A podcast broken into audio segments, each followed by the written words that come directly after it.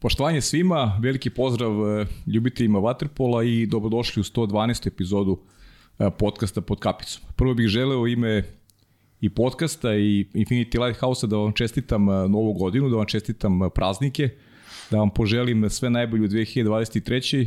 Da vas sluša zdravlje pre svega i neka se ispune ovaj, sve želje koje imate, a danas se ćete uživati u našim Waterpolo emisijama, da će ovaj sport dobiti neke nove sledbenike, da ćemo ove godine imati i onako više, da kažem, razloga za, za neko slavlje, za, kada pričamo o e, reprezentaciji Srbije pre svega i ova godina svakako kada je vaterpolo sport u pitanju će biti vrlo onako izazovna s obzirom da nas očekuje i svetski kup već u martu mesecu, zatim i e, svetski šampionat, evropski šampionat, pritom ovo je kvalifikacijona godina za odlazak na olimpijske igre, tu su naravno i klubske obaveze, pa eto s tim u vezi nas očekuje zaista mnogo zanimljivih stvari, a mi iz podcasta ćemo se truditi da pratimo sve ono što je aktuelno, a naravno da podelimo sa vama i neke, neke životne priče, lepa iskustva i sve ono što može da posluži e, pro, e, promociji ovog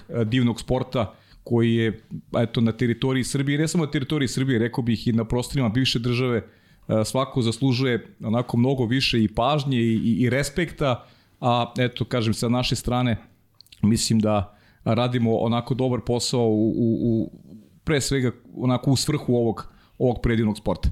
E, pre nego što predstavim gosta, malo ću još da onako se pozabavim nekim temama koje su aktuelne, dakle nastavljena Liga šampiona u Waterpolu pre svega, dobar uspeh, dobar rezultat srpskih klubova, dobar rezultat i učinak uglavnom i klubova uh, iz regiona, mislim tu pre svega na ekipe naravno iz, iz Hrvatske koji imaju predstavnike uh, u, u elitnom takmičenju koji je pobedio Sabadelj, Jadran Splita koji sa novim trenerom rekao bih da onako stabilizuje svoju igru i bit će to interesantan meč sa radničkim kada budu podelili Megdan za, za nekoliko dana.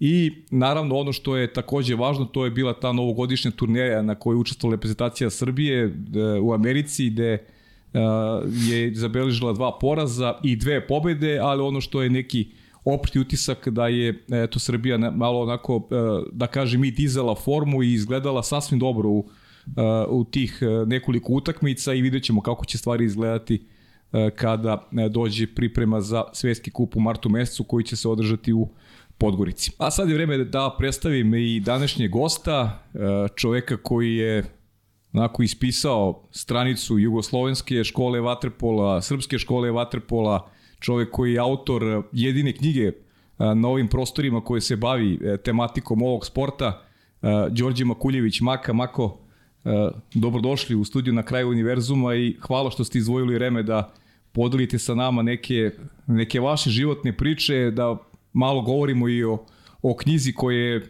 podavno ugledala svetlo, svetlost dana i ajde za početak, ono što volim da pitam sve goste, kako se osjećate ovde u, u ovom našem prostoru? Pa sviđa mi se što je 112. emisija, nije 113. Dobro. I imam veliki respekt prema ovome što vi radite, jer naš Vatrpolo je zaslužio da ima svoju emisiju i da ovaj, i sportisti, i treneri i ostali mogu da izraze svoje osjećanja, pa čak i da nas kritikuju, ponekad da nas pohvale, nama će biti drago sve to. Hvala puno Mako i na, na lepim rečima na dolasku, a e, neki, ajde da kažem, povod ne samo životno delo, već e, ono što sam ja i promovisao već kroz ove emisije sa dragim gostima, rekao sam, ovu sam knjigu dobio na na poklon od, od Stefana Ćirića, ali smo konstantno kroz emisije, imali ste prilike da vidite, malo pričali o onome što je zaista i raritet. Ja ne znam da li postoji neka stručnija vaterpolo knjiga, da li ikad objavlja ne samo u Srbiji, već generalno u svetu, pa eto za početak me zanima odakle ideja, šta vas inspirisalo da, da eto ovo delo ugleda, ugleda svetlost dana? Pa početak inspiracije za ovu srpsku knjigu dobio sam od e, profesora, doktora Milivoj Dopse.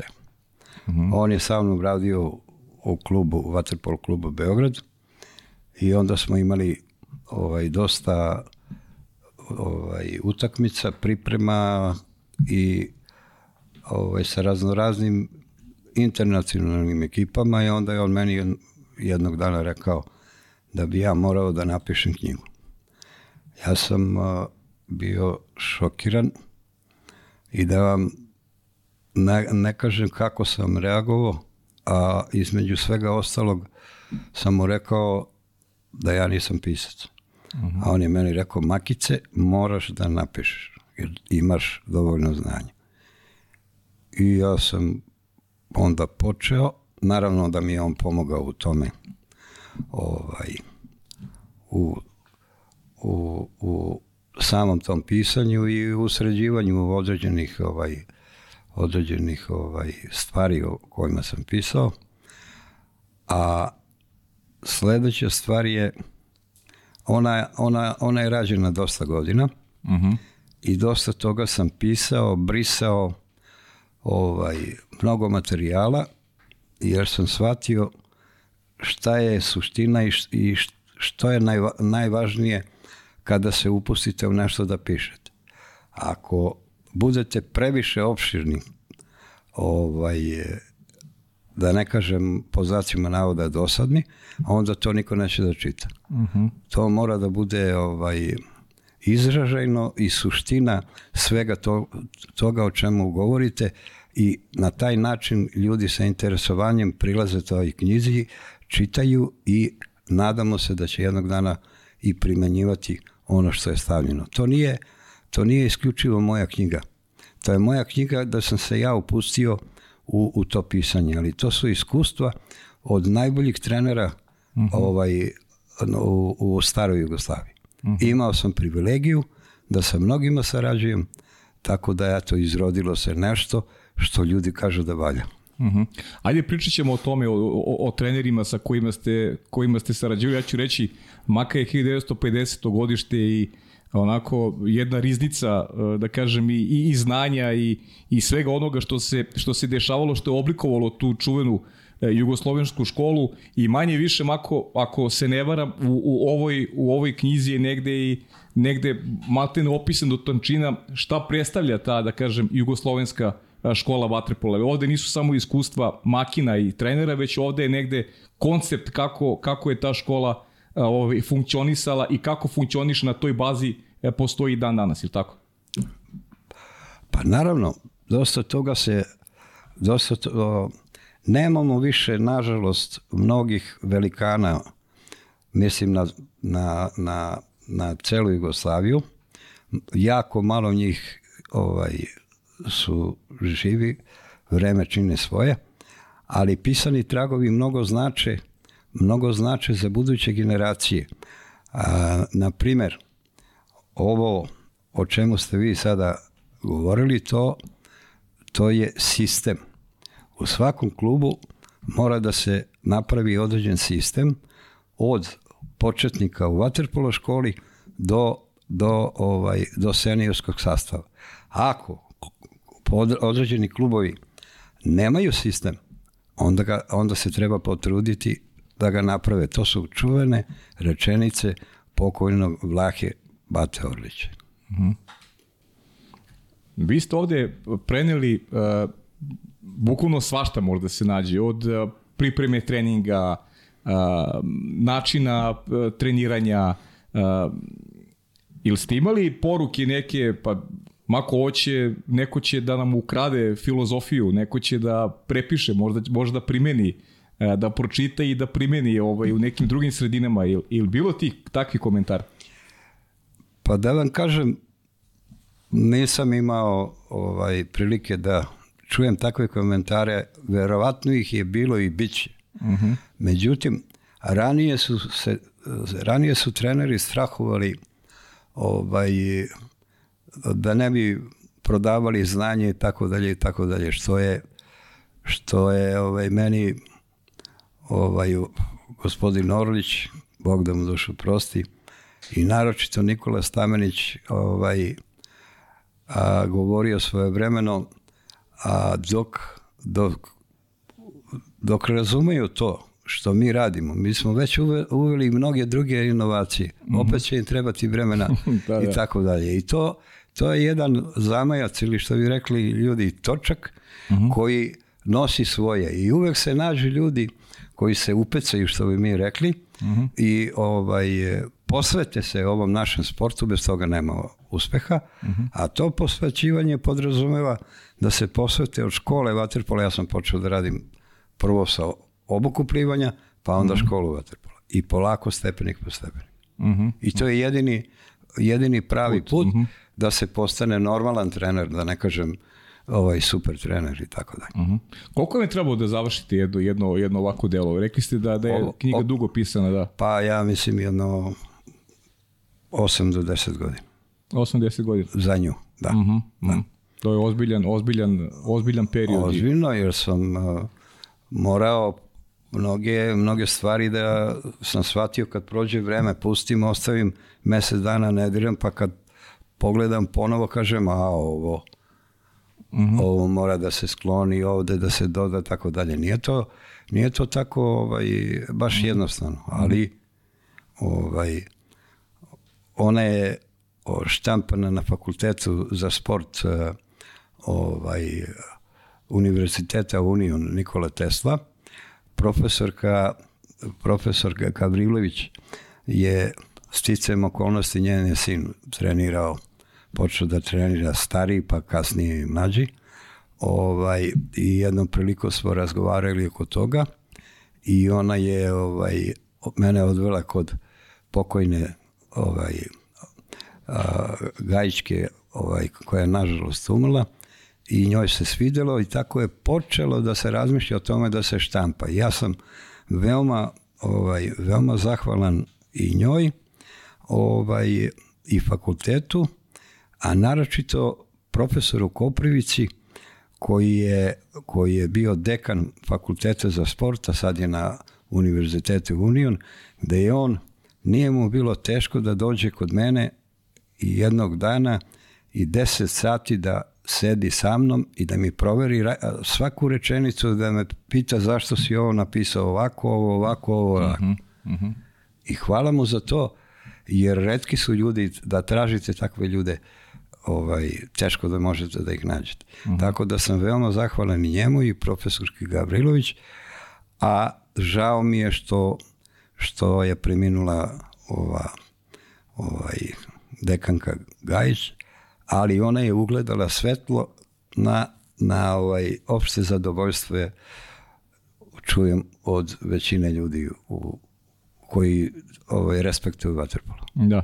E, od ono što ja moram da istaknem, e, knjiga koja je sigurno korisna svima koji, koji su u Waterpolu, ali korisna je i nama koji nikad nismo igrali Waterpolo, koji a, želimo da proniknemo u neke, u neke onako, da kažem, suštine igre, da možda malo bolje shvatimo ceo taj proces, ne samo kada je igra u pitanju, nego stvaranje igrača. Vi ste ovako obeležili, celu karijeru ste posvetili e, mladim igračima generalno i e, oblikovali ste mnogi od ovih današnjih imena, velikih imena e, jugoslovenskog, da kažem, vaterpolo, kasnije srpskog, hrvatskog, crnogorskog, jer imali ste priliku da trenirate mnoga ta, ta velika imena, pa e, kako se osjećate danas kad ih vidite na, na nekim, ajde, da kažem, vrhuncu, vrhuncu slave sa, ima tu mnogo i o, osvojača olimpijskih medalja, e, počeli ste sa njima od, od onih najnižih dana, mnogi su im poslali poruke onako i pozdrave i zadovoljstva zbog toga što ste što dolazite u emisiju, pa je možete malo neke, neke, neke ovako uspomene da, da evocirate na, na, na taj period, pa ćemo posle ovako postepeno da idemo kroz, kroz vašu karijeru. Pa šta da vam kažem? Teška pitanja. Teško pitanje. Da je lako, nije lako. Ovaj, pa prvo rekao sam da sam imao privilegiju pored takvih ljudi da rastem. Pomenuo sam Nikolu Stamenića, on je on je ovaj uneo revoluciju u naš sport, ne računajući Vlaha Orlića koji je neprikosnoven, ali Nikola je uneo dosta toga i Nikola je najviše radio na, na sistemu, a šta znači sistem? Znači, koji su osnovni elementi koje deca mora da savladaju u školi vaterpola. Pa na osnovu tih osnovnih elemenata oni prelaze u prvu kategoriju. Pa onda ta deca uče osnovne elemente vaterpolo kretanja bez lopte sa loptom. Pa onda igraju. E sad moram da vam kažem jedan detalj. Jedan detalj je ovaj, zašto kažem da sam imao privilegiju da radim sa takvim umovima ko treba vam vreme da kad, kad vam oni nešto pričaju dva, tri dana da bi shvatili šta je pisac teo da kaže. Ja sudim u, u, na banjici je utakmica o, za mlađe kategorije i za golova. Ja sudim klincima utakmicu. I dođe, dođe Vlaho Orlić polako iza mene i tu i tamo postavlja mi po neko pitanje i onda mi postavi pitanje, kaže šta je najbolje za decu? Ja kažem, bato, stalno mi postavljaš teška pitanja, ne znam na šta si misli. Kaže, šta je najbolje za njih, ko da im sudi? Pa ja kažem, pa ne znam, ni to šta si misli. Kaže, dedica, da sedi na stolici i da im sudi. A šta je još bolje za decu? Pa ja kažem, me sad si me ubio. Da dedica zaspi. I šta je poenta svemu tome? Pa da pustite decu da slobodno igraju. Mhm. I tad, je, po- tad sam počeo da razmišljam koje su to rečenice i kako, na koji način da oslobodite decu. Mhm. Da oni uđu i da žele da igraju. Sledeća stvar, sledeća stvar, ovaj, nešto me je pitao, moram da napomenem i, i njega, pitao me nešto oko, ovaj, oko ovih, kako se zove, ja sad mi pobegla misla. Vlah Orlić ili... Orlić, Orlić. Izvinjam se, sjećaš se. Da, dobro, polako, Mo- polako. Mnogo imam, mnogo imam ovaj, Mhm. u glavi svega toga. Ne vredi, pobegla me misla. Sjetit ću se kasnije. Dobro, dobro. Ali to su interesantni ti detalji, to baš mi je drago da, da, da, da negde ovaj, prenesemo ljudima taj iskustva vezano eto sa, sa Vlahom Orlićem koji je i prvi deo knjige negde ste i posvetili Pa naravno. Bati Orliću. Pa Da. naravno. Pa naravno, kroz njegove ruke su pa kroz njegove ruke su prošli svi budući s- o, selektori. To je to se znalo. Bilo je ljubomore iz drugih republika, ali oni su pokazivali rezultate. I, I podizali. Iz dana u dan. Pravili selekcije. Šta je, šta posle dolazi šta posle dolazi posle toga kad deca krenu da igraju tako dalje, pa sledeće selekcije tako dalje. Dolazi prvo prirodna selekcija. Jer deca su ta Koje osjećaju. koje da. hoće, Da, koje znaju. žele i ko, da nešto napravi i tako dalje. Tu ima, tu ima mnogo iskustva, iskustava kroz razne generacije. Partizan je bio mašina, evropska mašina. To se znalo tačno. Ali je, šta je problem u tome? Problem je u tome da ovaj, sad mi imamo jako mali broj trenera, ovaj, mnogo je trenera ovaj, koji imaju znanja otišlo napolje, naravno, zbog eh, borba za život, ali ovaj, osnovna stvar u, u jednom klubu da bi se napravio sistem, to sam malo prepomenuo, Nikola je isto radio Samenić na tome. Trener mora da ima dnevnik rada. Dnevni, nedeljni, mesečni, pripremljen planik programa rada koji može da se i menja i tako dalje i tako dalje. Na osnovu toga ta deca imaju razna, s vremena na vreme razno razna testiranja. Testiranja ovaj, je a, tehnike kretanja, bez lopte sa loptom, pa onda određena a, prijem lopte, dodavanje lopte, tako dalje, start i reakcija i da ne nabrajam, ima miliona elemenata. I sad deca u odnosu na godište, na početnike i ove, ne mogu da nauče sve elemente, ali postupno uče osnovne elemente koje su bitne za njihov razvoj. I tako se podiže taj sistem iz dana u dan, iz meseca u mesec i tako dalje. I onda kroz taj sistem obuke a, dolazimo do saznanja da sama deca pokažu koliko vrede. Mhm. A mi samo učestvujemo u tome. Eto, to je ovaj, to su neka moja iskustva. Ima milion stvari, ali ovaj, čovjek ne može da se seti svega odjedno. Ma da, naravno, da. A ne, ne, može da, da, ne može da prođe u, u dva sata ovaj, celu, celu Pa, karijeru. pa, na primjer, da. Ali iskustva e, sa decom. Deca vas ili prihvate ili vas uopšte ne prihvate. A to ne zavisi od njih nego od vas. Tako je. Oni imaju instinkt nepogrešiv. Svako dete. Vi se slažete da postoji samo autoritet znanja, da nema, ne postoji neki drugi, da dete prepozna kada, i da i dete prepozna kada mu neko govori nešto smisleno, kada govori nešto što je u njegovoj funkciji i da može da razlikuje, da razlikuje neki dobar smer u odnosu na, na, na onaj drugi. Pa moram da vam kažem, moj prijatelj Rade Dabetić bio je upravnik studentskih odmarališta i oporavilišta na Zlatiboru, na moru i tako dalje. Imali smo prilike da vodimo partizanovu decu i tako dalje. A on mi je jednom prilikom rekao, deca su anđeli. I nije više teo da mi pominje to. Šta to podrazumeva? Deca prvo prepoznaju dobronamernog. Kol- Nema veze, nije bitno da li je da li je trener malo glasniji ili nije, ali deca prepoznaju, njihov in- instinkt je nepogrešiv. I zato oni instinktivno ili vas prihvataju ili ne prihvataju. Ali onda ne možemo da krivimo decu. Jer ne bi bilo, ne bi bilo normalno i realno. Eto, to su vam moje iskustva. Mhm. E, Jedan dobar prijatelj mi je, mi je rekao ovaj, da a, su treneri u klubu da su onako znali nekada da budu veći autoriteti nego, nego on u kući. Kada priča o Nego svojoj- roditelji. Tako je. To e, je bilo, to je živa istina. Da, jer, jer dete nije htjelo da posluša savet neki iz kuće, ali je poslušalo savet od svog trenera.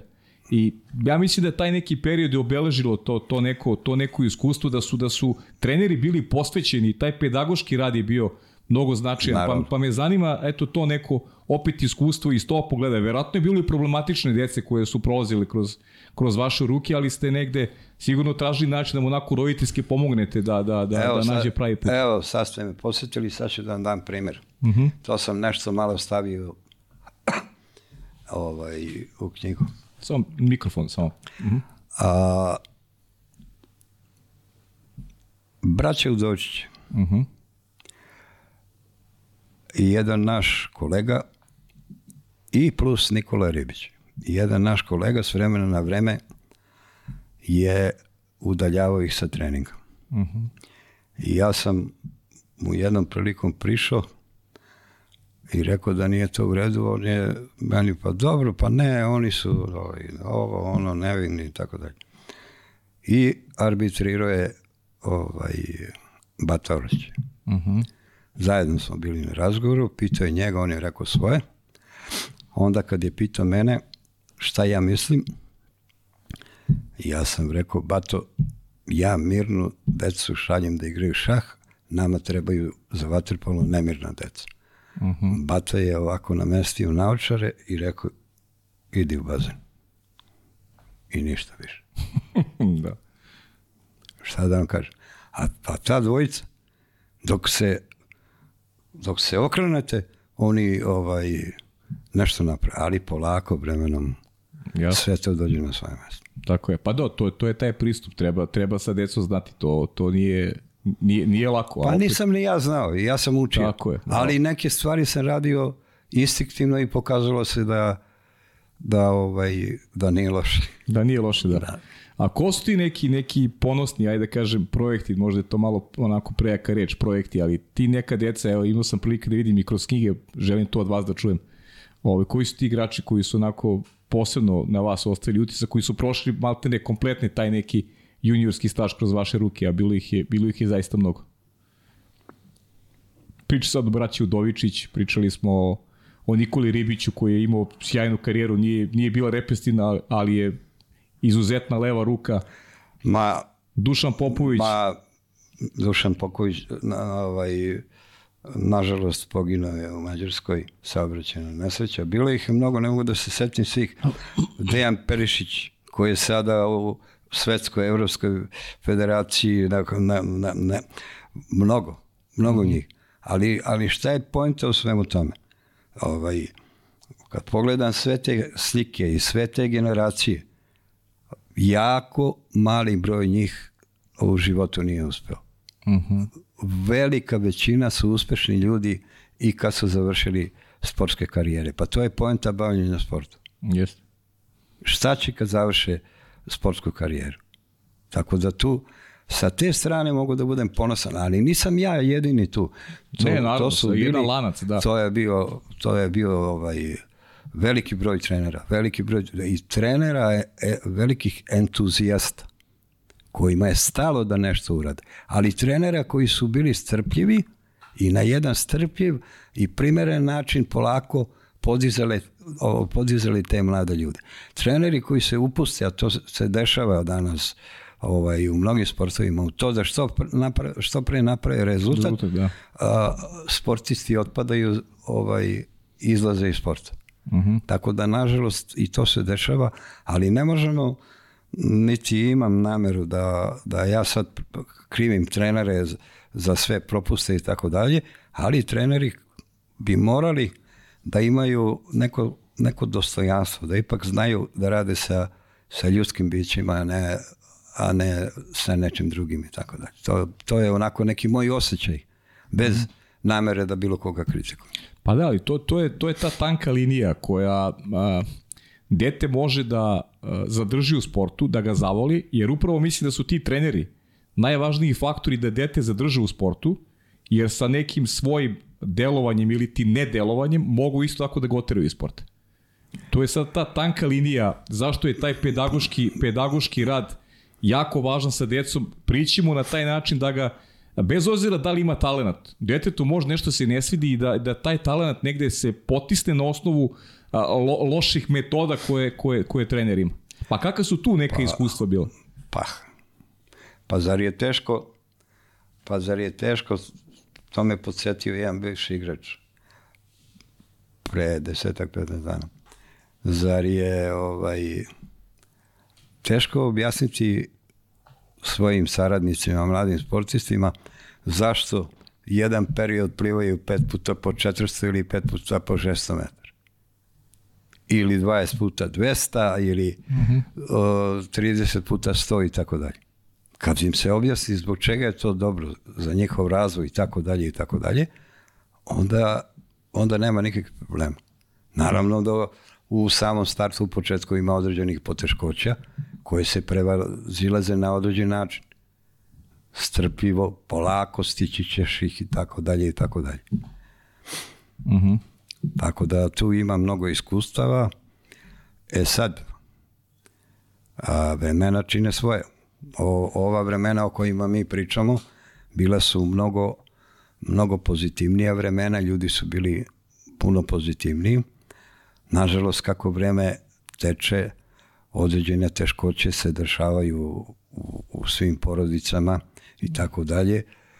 Onda se dešava i određena nervoza, onda se dešava da roditelji hoće što pre da, da naprave reprezentativca, mm -hmm. onda stiskaju trenere, stiskaju ovaj, članove uprave i tako dalje i tako dalje, što nije dobro za decu, zbog, za decu. Mm -hmm. Jer onda taj pritisak ovaj, koji prelaze na njih, njih sputava, ne mogu da razmišljaju, ne mogu da pamte elemente, ne mogu da vežbaju kako treba i tako dalje i tako dalje. Mm -hmm. Ne bi da mnogo širimo, ovaj, da širimo priču o tome, mi smo još uvek ovaj, važeći olimpijski šampioni. Da, da. I da ne ispada da sad... olimpijski šampion. Pa naravno. Ne, ne kritikujemo, nego samo poredimo vremena. Poredimo vremena. Poredimo vremena, naravno. Nisu ista vremena kao, kao nekad. Ovaj, ali mora da se prilagođavamo kako mhm. vreme prolazi. Ok.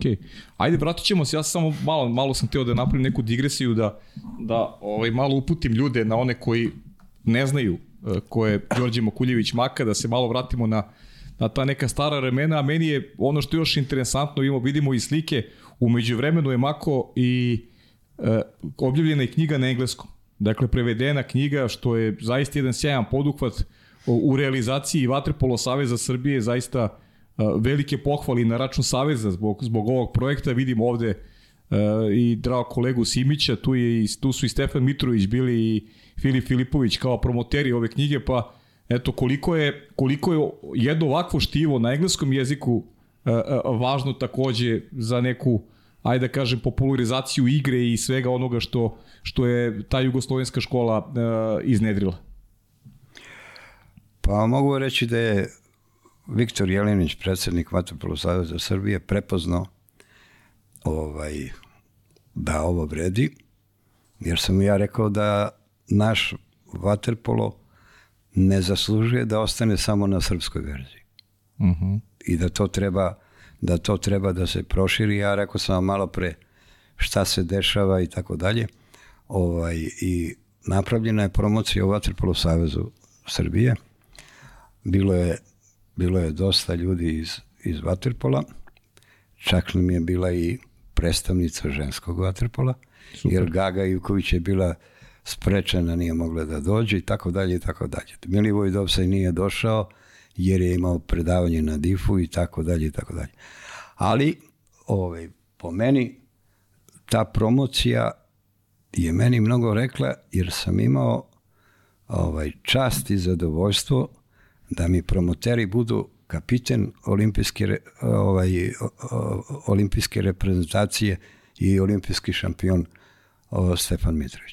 Mm. Tako da ja sam ostao bez teksta, ja ovaj, sam im se zahvalio, ali još uvek sam po tim utiskom. Da, kapitan Filip Filipović, Stefan Mitrović, evo vidimo tu, vidimo Naravno. sliku i predsjednik Sajza Viktor Jelić. Jeste.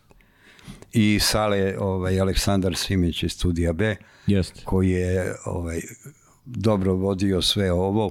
A ne, kolega, kolega Simić mora ga pohvaliti, on je neko ko, ko onako populariše Waterpolo, jedan od jedan od redkih ovaj koji je onako baš dugi niz godina uz vaterpolo reprezentaciju i promoviše vaterpolo kroz svoje emisije baš jedan dugi period. Naravno. To si ti rekao, nisam ja. Da, ja sam rekao, ja to kažem. A to. da ne bi ispalo sad, ja ga hvalim. Mislim. Da, da, da. Zaslužuje da ga pomenemo, da ga pohvalimo. Jeste. Naravno, naravno. Jeste. naravno. E, pa ajde šta je sad neki neki sledeći korak mako kad je kada je kada je knjiga u pitanju ja se nadam da će da je već je onako postala čitana ovaj, što se kaže i preko došle je do nekih, Ima, do nekih ruku, je, tako? Je, jeste, imam, imam komentare uh mhm. -huh. naših ovaj, bivših reprezentativaca, mnogo im se svidelo i dizajn i štampa i tako dalje, a posebno tekst. Naravno. Na tekstu smo radili više od 10 meseci. Mhm. -huh. ovaj, tekst je prevodio ovaj, Nebojša Jovanović, bivši bivši ovaj, vaterpolista Partizana, kasnije Beograda, završio je dva fakulteta, sada je u nekoj američkoj firmi rukovodilac, svaka mu čast na tome. Drugi prevodilac koji je vodio računa, koji je vodio računa ovaj, o, ovaj, da knjiga bude ra, terminološki a, razumljiva je, uh mhm. -huh. a, a, Nikola Nikola Marić koji je počeo u Vatrpolu klubu Beograd kao klinac, kasnije je otišao i igrao je u Beogradu, kasnije je otišao u Kanadu i već mnogo godina žive u Kanadi, ima trojicu sinova, a radi vaterpolo. On je, on je ovaj pomogao najviše oko terminologije i Jovan Vavić koji živi u Los Angelesu, on je isto nam dao par sugestija da, da kod njih, jer ona je srpska knjiga pisana pioniri, kadeti, juniori, to u mhm. Americi i u Engleskom ne postoji, nego godište to, to, to. Tako, je, da. Uh mhm. -huh. Tako da tu nismo promašili i najviše sam se toga plašio. Terminološki je jako kvalitetno urađena i ja se zahvaljujem svoj trodici ovaj, svoj trojici ovaj, na tome. Sledeća, sledeća ovaj, stavka je da moram da, da pomenem ovaj, isto bivšeg e, sportistu Beograda ovaj, Miloša, koji je sa dve kamere snimao ovu u Savezu mm -hmm. i mhm. sad on, on sada uređuje ovaj, sve te materijale, a, a ovaj, vidjet ćemo, vidjet ćemo šta, šta, šta ćemo kasnije. On je inače završio režiju i bavit će se ovaj, bavit će se režijom ovaj, i on je veoma mlad momak i njemu mora da se mnogo zahvalim i to je sada nešto to je sada nešto što se meni dešava, što mi uopšte nije bilo u svesti. Mhm. Da je to moguće nešto tako. Ali šta kažu naši stari? Za dobre ljude kad tad se nešto dobro desi. Da, jasno. Mm.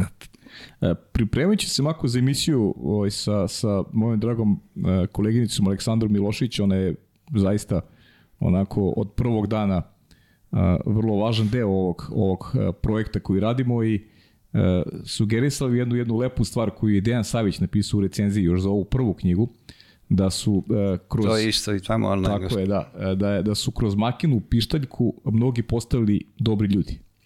I verovatno je to možda i neko i najveće priznanje, jer ne mogu svi da postanu vrhunski igrači, ali, ali mogu da postanu dobri ljudi. I verujem da vam je, da vam je to ovako negde posebno drago ovaj, što je, ajde da kažem, izašlo iz, iz pera možda danas i najvećeg trenera, najvećeg trenera današnjice, Dejana Savića. Sigurno. Pa, šta da vam kažem, Dejan je, ne računajući m- Mito Dopseja, Dejan je stao uz moju knjigu i ona stoji na jednoj i na drugoj njegov komentar. Ali moram da vam sad kažem da sad ne ispada ovaj, jednu stvar da ne ispada sad kao ja sam vas zemaljac pa taman posla. Dejan Savić, ja sam vodio Partizanu ovaj, 92. godište. Ili tako, ne. Ne, ne, ne, ne. promašio sam ga uvijek, Bog te vidi. Ovaj, 70. 72. 72. a? 70 i... Ne mogu da se... Dejan je Dobro. 77. A ovaj je 70. Nije bitno. To je bila slaba generacija. I a, godišta sam pomešao. Ne, Dejan je četvrto, Dejan je vede 74. Tako? A, Ne, peto, Dejan je 75. Peto, peto. Dejan je 75. slaba generacija je bila. Ne mogu se setim godišta. Mhm. I ja sam sada, pošto je bila ta generacija slaba, prvog, prvo a, priključio se, a, 73. godište Peđa Mihajlović, koji je i dan danas u, Mhm. u ovaj, Australiji. Sledeći sam uključio Žareta Petrovića, koji je 74. A treći, koji, i više posle toga se neće, treći koga sam priključio je Dejan Savić, 77. To je generacija. Peto, 75. Ovaj. 75. 75. A kako je došlo do toga? Mi smo na, na Banjici radili, ovaj, kad je završena sezona, izlazili smo van, van bazena i na košarkaškom igralištu. Igrali mali futbal, basket tako dalje. I onda smo igrali futbol ja sam igrao futbol s njima. Nisam igrao loše u to vreme. I sada meni jedan klidan zapadne za oko i ja pratim par dana i ja dođem kod Nikole Stamenića i kažem, Niđo, ima jedan mali bre, ovaj, na malom futbolu je bezobrazan, bre, ovi stariji od njega, on uleće u duel, ne proši se nikog. Šta da radim da ga priključim pionirima? Nikola je već bio, počeo da radi kao trener, bio već svetski poznat. Nisam završio, Nikola kaže odmah. Kad, se, kad su prošle godine, kad se Dejan vratio iz, iz Rusije, mi dođemo, nađemo se u, kod mene u Staroj Hercegovini. I ja ga pitam, aj sad, pri, pričali, pričao mi je nešto oko toga, ja kažem, a kako sam se ja odveo pionir? A on kaže, a oni su plivali u, ovaj, u malom bazenu. Mhm. Kaže, došao si, gledao si nas, gledao si nas i pokazao si na mene. Ja kažem, mi? A onda si mi pokazao ovako. Ja kažem, mi? Onda si mi pokazao ovako. I od danas si ovde. Ja kažem, mi ništa više. On kaže, ništa više. Eto. ja sam pao sa stolice. Sjajno. Šta da kažem? Da. Da. To je samo jedan primjer. Eto, sad smo se sjetili Dejana Savića. E, Bilo, je, Evo. Eto, da. bilo, bilo ih je mnogo, verovatno. Pa ne, ne mogu svih da se setim, ali setim se kad prođe vreme i tako dalje. Da. Ali bilo je mnogo, mnogo tih, kako bi, kako bi vam rekao, mangupčića, Aha. ali pozitivnih. Oni su, oni su pravi za sport. Jer on, odmah razumeš, evo sad ću vam ispričam jedan detalj. Ajde. Vodio sam žensku ekipu Bečeja. Dobro, to... I, I pre jedno mesec dana mi je došla jedna devojka, slikala me odmah i pustila na Facebook i tako dalje. Sanja se zove. I sad ovaj, ona mene pita i priča i tako dalje. Čak mi je rekla njega majka bila zadivljena da sam ja išao u njenu školu da reagujem. Tada ja kažem da je moguće da sam ja to išao. Da je počela da uči i tako dalje. Uh -huh. I prilaze meni u bazenu u Bečeju, prilaze meni četiri, pet devojke, Bilja, Saška i još ne znam koje, i pitaju me, ovaj, Čikamako, možemo nešto da vas pitamo pre treninga? Ja kažem, naravno da možete. Zašto vi kad ste ovaj, raspoloženi zovete nas make, ovaj, e, manekenke, a kad niste bolidi? A ja kažem, hoćete da vas lažem da vam kažem istinu? Kaže, ne istinu. Pa ja kažem ovim klincima, vodio sam im mlađe kategorije. Ja kaž, kad im kažem šta je finta, oni razumeju. Ja vas pet meseci učim fintu, a vi ne razumete. Pa kako da vas zovem? I tako dalje. To su neke dogodoštine u trenerskom pozivu koje se čovek seća dok je živ. Uh -huh. Naravno, pozitivne. Pozitivne, naravno. Ajmo onda, Mako, taba, meni ovo je šlagvort. Malo će možda se dotaknemo knjige, biće, ovaj, biće prilike do kraja, ali e, rekao sam na početku emisije, vi ste 50. godište i otkud u Vatepolu? Kako se rodila ta ljubav? To je, ajde da kažem, taj neki period, to je još bilo onako nešto što se zove ta neka jugoslo, jugoslovenska škola, to je tek onako bilo u nekom razvoju. Kako ste, gde ste sebe videli tu, kako ste se pronašli, vi ste i završili fakulte za sport, između ostalog. E, to je vaš neki, ajde da kažem, taj neki, neka... Ne, ja sam na, završio ovaj, na DIF-u. -huh. višu trenersku školu, ovaj, odsek vaterpolo. Od, odsek vaterpolo baš. I, I moram da kažem da je moja diploma broj 1. Uh -huh. Od svih sportova. Ili tako? Da. da. Ali dobro, ne, ne ispada. Ne, ne, ne, ne, tamo posao, ovo, ovo, ovo je lepo znati. Ovo, Nisam znao taj podatak. Pa evo, niko ne zna, prvi put kaže. Super. To Hvala. mi je rekao Ivica Macković, bio tad dekan, mm. pokazao mi, kaže, nisam ja ni gledao. Ali te diplome potpisivao rektor Beogradskog univerziteta te više škole na mm -hmm, I mm -hmm. pokazao mi jedinice, kaže šta ovo znači, kaže tvoja diploma broj 1. Broj 1 diploma. Ma mislim, nije to toliko bitno, ali... Dobro, ali lepo je, lepo ali je znači. kad se hoće, sve se može. Da, da. Ovaj, A zašto vaterpolo, Mako? Pa ja sam ga igrao. Mhm. -huh. Ja sam ga igrao. Mhm. -huh.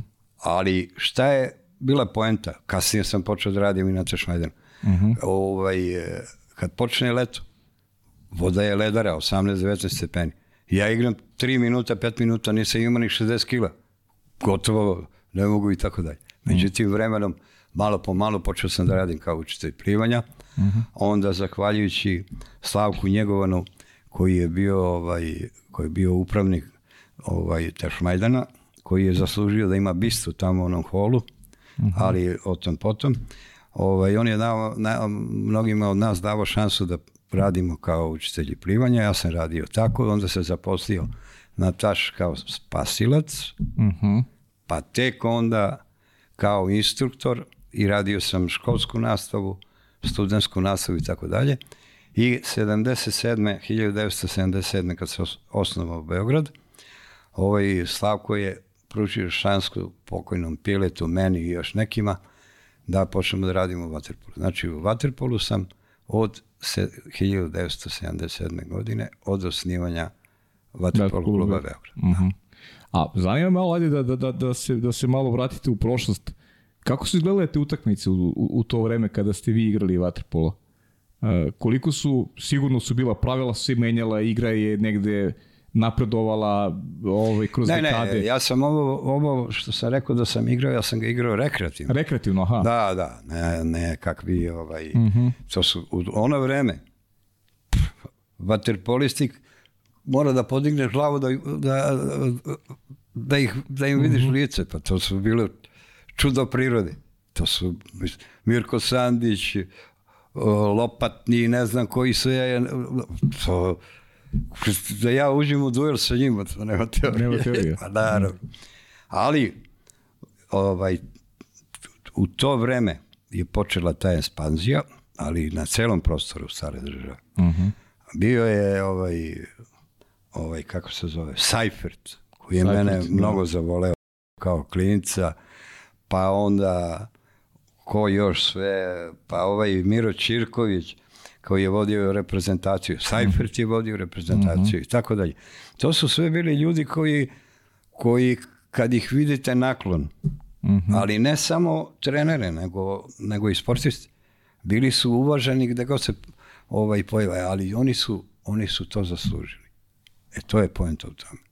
Mm. Bili veli, veliki sportisti, obrazovani ljudi. Obrazovani, veliki sportisti i kasnije obrazovani i doktori nauka i, i pa Muškatirović, pa još pre njih da, i da ne pričamo, mm -hmm. ne mogu da se setim da navodim sad imena, ali zna se da su bili klasa u svemu. Mm -hmm. Mm -hmm. I oni su bili motor trenerima koji su pokušavali da dostignu taj nivo koji su ovi već prethodni uradili. I to je trajalo godinama. Uh -huh.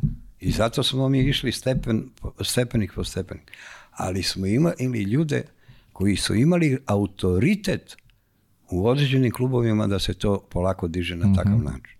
Uh -huh. Zato sam pomenuo dnevnik rada, testiranja, ime, prezime, do, dolasci, tako dalje, opravdanja, vođenje, vođenje ovaj, e, računa o njihovim ocenama. Da, da, da. To je, tu smo bili neprikosnoveni. Mhm. -huh. Slaba ocena, nema treninga. Neko, neko da od sportista dobije slabu ocenu, to je nezamislivo.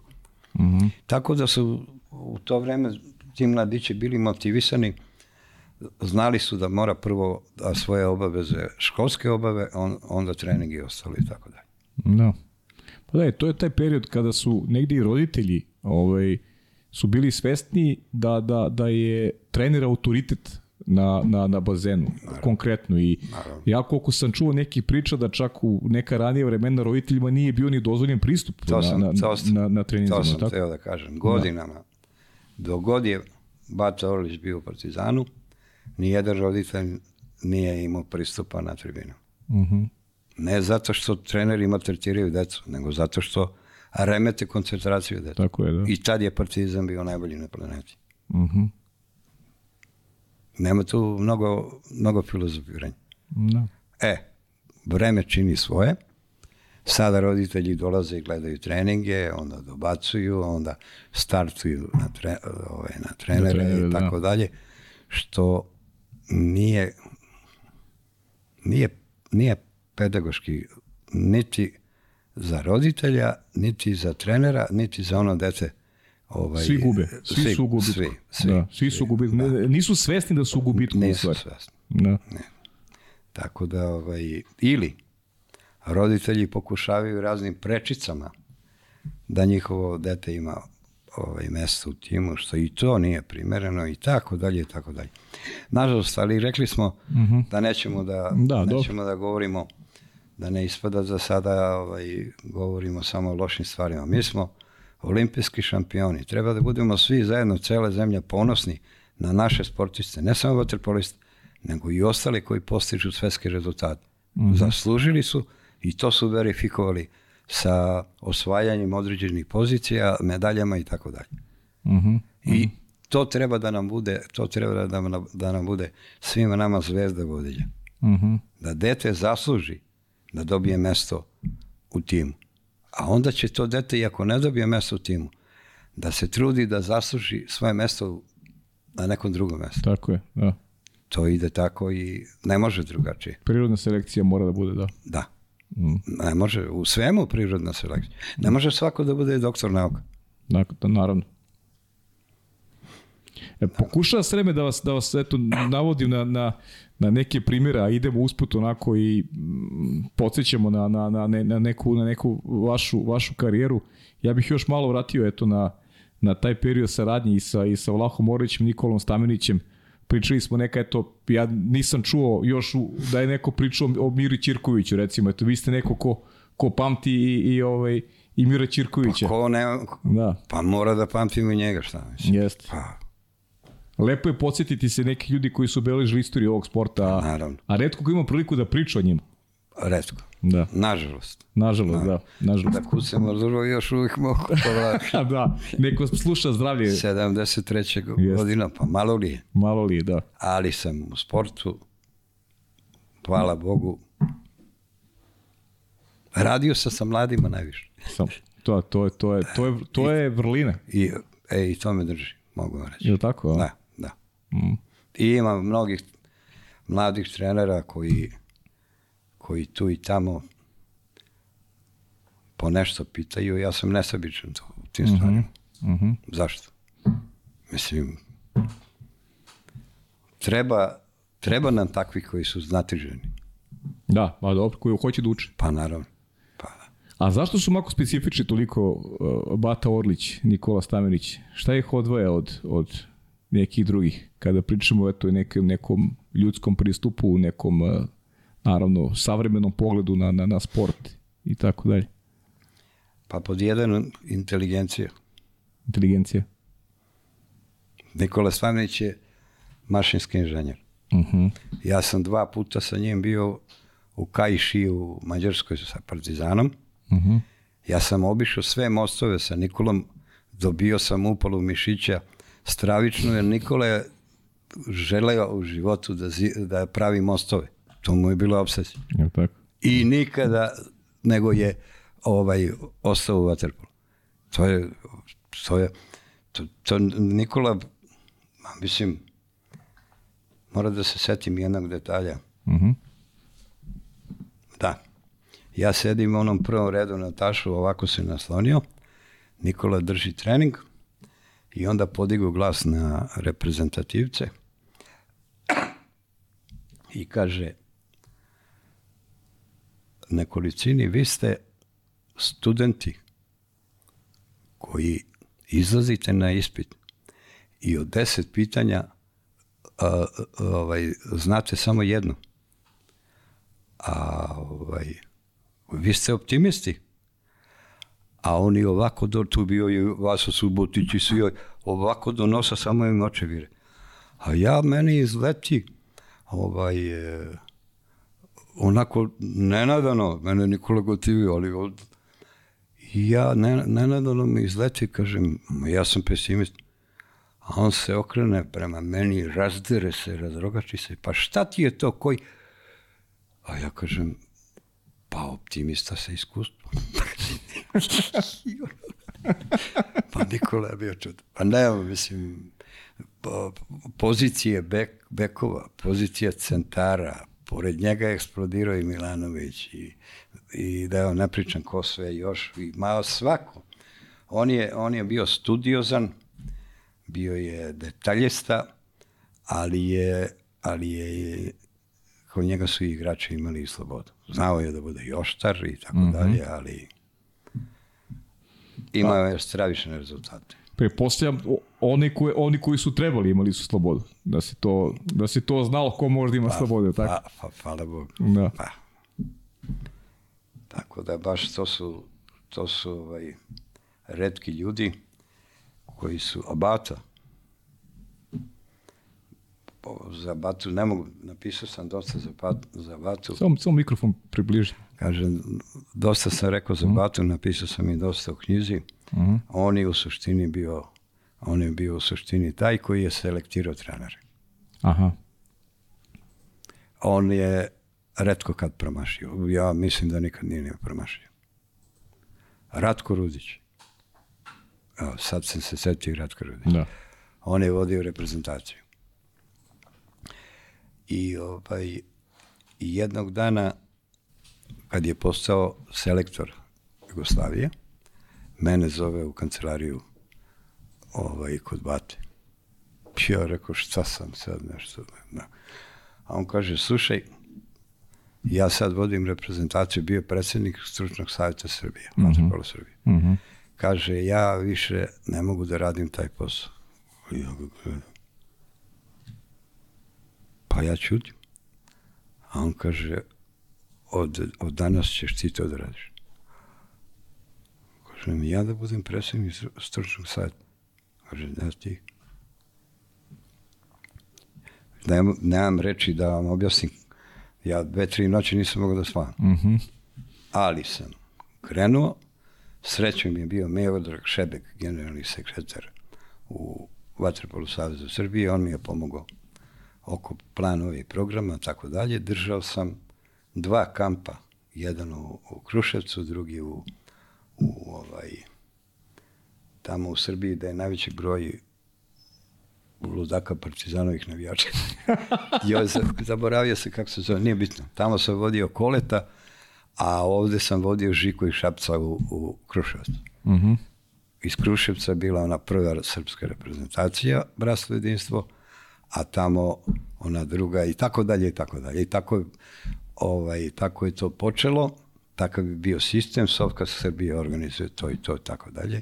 Uh -huh. I mi odrađujemo, ovaj, a to preko leta naravno, i odrađujemo sve kako treba i odatle su izlazili igrači i tako. I to je, mislim, deo sistema. Naravno. E. Uh -huh. A koliko se menjala, Mako, metodologija rada promenom, promenom uh, igre? Evolucijom Prome, igre? Promenom pravila. Promenom pravila, da, to sam teo kažem. Promenom pravila. pravila, naravno. Da. Promena pravila su ovaj, dovodile do toga da, da se na neki način određene stvari obuci moraju modifikovati. Uh mhm. -huh. Tako da na godinama nisam čuo da neko da neko govori ovaj igračima položaj spreman. Uh mhm. -huh. A šta znači taj položaj spreman? Kad uđeš u igru, za svaku situaciju mora da imaš dobar položaj i spreman da reaguješ napred, nazad, levo, desno, da iskočiš, da primiš loptu, da presečeš dodavanje, tako da ako nisi spreman, kasniš deli sekunda, gotovo. A toga danas ima koliko hoćete. Gledao sam mm. određene utakmice i tako dalje. Da. Opet nije moje da kritikujem, ali ovaj, a, određen broj, određen broj elemenata mora svako u svom klubu da postavi da li su to tri elementa za početnike, da li su četiri za sledeće, da li su sedam, osam za one sledeće, tako. Ali mora da postavi minimum znanja. Mm -hmm. Na osnovu koga ćete da pratite igru i tako dalje. I da znate u svakom trenutku gde, zbog čega se desilo ovo, ono i tako dalje. I mm -hmm. kako, na koji način posmatrate utakmicu. Da, da. Nije to baš tako naivno biti. Pa nije naivno uopšte, pa. nije naivno uopšte, tamo posle. Pa. A to... zato smo mi dvostruki olimpijski šampioni. Da, znači imali smo dobre trenere. Imamo, pa, i, imali smo i imamo dobre trenere. I imamo. Na, Nena Manojlović, na primjer. Nena Manojlović, bravo. Koji je to ludak bio? Bog da mu dušu Da, da je, razumem, pozitivno. Sa njih sam mnogo da. isto radio. Ma mislim šta da vam kažem. Nemam. Mm. To su bili posvećen vaterpolu. Jeste. Nena žive vaterpolu. Pa naravno. A, ovaj e, stariji brat, ovaj, kako smo Predrag. ga, ne Predrag, nego kako smo ga mi zvali, sad sam se pravi. On, kakav je bio igrač?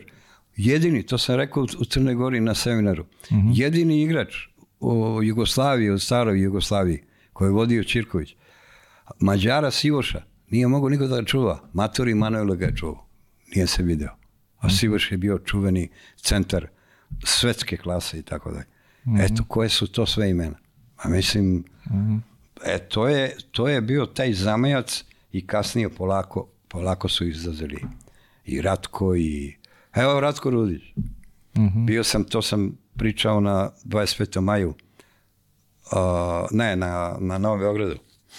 Bio je tu Dragan Jovanović, moj bivši golman, uh, uh, Juga Vasović i ne znam koliko još njih. Ja sam bio u Bečeju i meni pokojni Bađa posla 5-6 dana da odmorim tamo na moru. Mm -hmm. Bađa Predin. Bađa Predin, nekom mm -hmm. Bog dušu. Mm -hmm. I ja gledam trening, Ratko Ludić drži trening. A oni postrojeni, svi čute, apsolutna tašina. I u jednom trenutku treba da skoče u more, a Zoki, Zoki Petrović, zvani Gibon, on je sad u Kanadi, on bio centar. Kaže, rale, pa duva bura, hladno more. A Ratko se ovako okrene, skine gornji deo trenerke, donji deo, skoči u more, otpliva Betterfly tamo i nazad, izađe, obriše, obuče trenerku, stavi pištaljku i oni svi u more. Setio se Juga, on je tad bio kao mlad igrač, setio se Dragan Ivanović, setio se... Odma su se setili. Ja kažem, kakav je bio trener, a? Da. Ladno, a? Kad je on skočio, ajde neko da kaže pa. Tako. Pa mislim, to su neki jedinstveni primjeri koje pamtite ceo život. Da. Eto. Blago mi je što evociram uspjeni, što se kroz primere malo ovaj, pokazujemo, Pa, pa naravno, to su primjeri predstavljamo neke ljude. ovaj, da. za, za, za, za te momke. Zato su i postali ono što su kasnije postali. Jest, jest. Pa mislim, Postali, verujem da vam je puno srce kad ih vidite, kad, kad, kad, kako ne? Ne samo, ne samo kroz rezultate, nego kakvi su ljudi postali. Pa. To je ono što je mene, ja, ja sam x puta govorio, nikada nisam se bavio ovim sportom, a, a zavolio sam ga kroz ljude. Jer sam zavolio ljude. Jer stvarno ste, ovaj, vi iz vaterpolo sveta spe, ste specifični, zaista. Pa dobro, ja, ma, mo, moja malenkost, ovaj, e, ne mogu ja da se merim sa njima, ali mi je zadovoljstvo što sam bio. No i vi ste deo toga, vi ste deo njihovog Dobro. odrastanja, Deo deo, njihovog, odrastanja. njihovog Jeste. obrazovanja, edukacije, vaterpolo igre i tako Jeste. dalje. Znači, ne, ne treba budete skromni. Pa dobro, ipak su oni bili ovaj, svetska klasa, i igrači i treneri. Mhm. Ja nisam bio svetska klasa, niti, niti je mene to vuklo, mislim, vuklo. Ja sam se opredelio u, ra- u radu sa mladima, tu sam imao mnogo uspeha. Mhm. I, to, i, to, I na to sam ponosan. Mhm. I iz toga su izlazali kasnije ovaj, po neki igrači visoke klase i tako. I ja sam prezadovoljan sa, sa tim da sam makar nešto uradio korisno. Mhm. Kako je bilo u, u Bokelju? Eto, to sam zaboravio. Da, kako je bilo tamo? To bili ste amaterski prvaci Srbije i A, amaterski prvaci Srbije Srbije i Crne Gore. Da. Evo ovako, sad ću da vam kažem. Dobro ste me posetili. Mhm. Tamo je bio čuveni Menoti, predsjednik mesne zajednice. Aha. To je bilo, da vam ne pričam. Ali, šta je poenta? Prvo vreme, oni su morali u 8.00 svi da budu na ivici bazena. Betonski, onaj bazen, ono, zagrađen u moru i tako dalje. I ja gledam, vidim, tu i tamo ljudi prolaze ono malo podignuto ovaj, levo desno, pa one stare bake i žene malo zagledaju ono, ja rekao šta je sad ovo? One se čude, ne mogu da veruju da, da ovi momci u 8.00 koji celu noć vilene u 8.00 na liniji. E pa, rezultirali su. Mhm. Re, bili su prvi. Bili su prvi, da. Šta sam doživeo na, na tom betonskom ovaj, držim trening i neko ide u čamcu ovaj, prema ovamo i gala mi sve snage. Ma ko prvi srpski trener u Crnu Goru. Ja gledam ko je. Kad ono pokojni Gopčević Uf. dolazi. Mhm.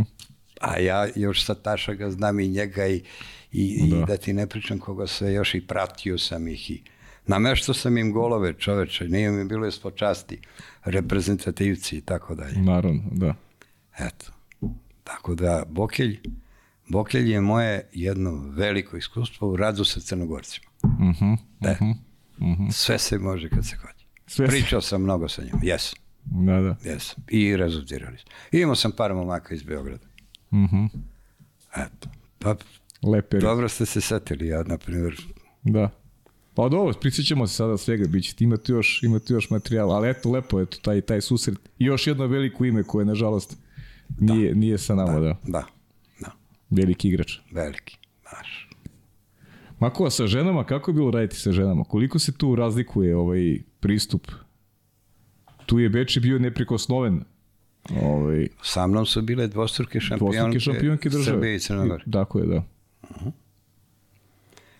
E, mogu vam reći da mi je to lepo iskustvo. Mhm. U početku ovako, onako, međutim, devojke su me slušale, a radile su.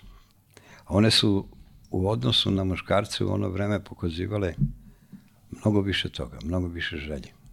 Mnogo, veli, mnogo veći borci. E, znate da, da, niste, jed, da niste prvi koji, koji je to rekao, da, da, su, da su onako i poslušnije, da su, zah, da su zahtevnije u smislu da hoće da hoće da poslušaju. I zahvalnije. Zahvalnije, da. Zahtevnije. Zahvalnije, za, zahvalnije, zahvalnije. da. Zahvalnije, ali i I zahtevnije. zahtevnije, da. E, tako da imam, moram da vam ispričam, kad smo krenuli u Herceg Novi, u Herceg Novi, išli smo autobusom Mhm.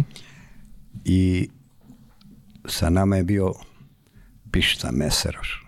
On je vodio ženske ekipe tamo za vreme sankcija nekih šta je bilo. Dođemo na, idemo na sparing u catch kemet, ne znam da je još, dođemo na granicu, on samo ovako par reči, ovaj graničar kaže, ajde, ulazite. Mhm. E, on je bio sa mnom i, i bila je gospođa od, od Molnara, od Imre, Imre Molnare. Se Sećaš to ime? Imre, Imre Molnar iz Bečeja. Igrao je u Zvezdi, bio dobar. Neće se. E, sad ja poveo ekipu tamo, prvenstvo Srbije i Crne Gore u Herceg-Novom. Mhm. I negde stanemo pored nekog, pored nekog puta i malo neka šumica kao i devojčice da malo i tako dalje, tako dalje. I u jednom trenutku čuje se škripa ovaj, vozila nekog, kočnice i vriskovi. Šta je bilo? Jedna mala, najmlađa je bila sestra od ove što je bila centar, ovaj, bacila kamen i palo im na šofer. I dvojica izlaze iz auto, još neko im je bio auto, i jedan vadi pištolj i na pištu mesaraš. Ja gledam ne mogu da verim. A pišta mesaraš je bio ono, dobar čovek i voli da se zeza, ovi to će da ga upucaju. Mhm. I ja doćem i kažem o čemu se radi razbir naša pošan. Ja kažem pa platit ćemo šta. Evo nemam sada, evo vam moja lična karta. Mi smo iz Bečeja. Kad se vratimo tamo, ovaj, platit ćemo sve ovo ono i oni nekako olade. Kad smo se vratili u Bečej, ta ista gospođa od Imre Monara je pričala u Bečeju, pišta ovo ono, a maka hladan ko špricer i ljudi se smiriše. Pa nema u takvoj situaciji, to, tu nema panike. Da. Ne- Nikad ne znaš šta će ko da uradi. Setio sam se i toga, možda i nije vreme da možda i o tome pričam, eto, malo sam se Neka, pa dobro, neka, to su anegdote neke koje se ne, neko vreme... iz, iz života. Da, uvek, uvek neko vreme, mako gde, se, gde, gde, ste, gde ste provodili, ima, ima nešto što što ostane ostane u sećanju, po Jeste. nečemu se pamti ti detalji. Jeste, A ja ću lako i volim što pričate neki detalji, a ja vas lako vratim na ono što, što, što još možemo da ispričamo. To je ta, ta neka, ajde kažemo, pričali smo malo, a, ajde da kažem, kako A da izgleda rad sa ženama. El, el, el sad Maka mora da povuče račun. Što? ne treba. Ne treba. Ne treba, Mako. Ovaj, a ipak to su, ajde kažem, možda i neki najznačajniji rezultati, ili tako? Ipak to, kad osvojiš državno prvenstvo, to je... Dva puta. Dva puta, da.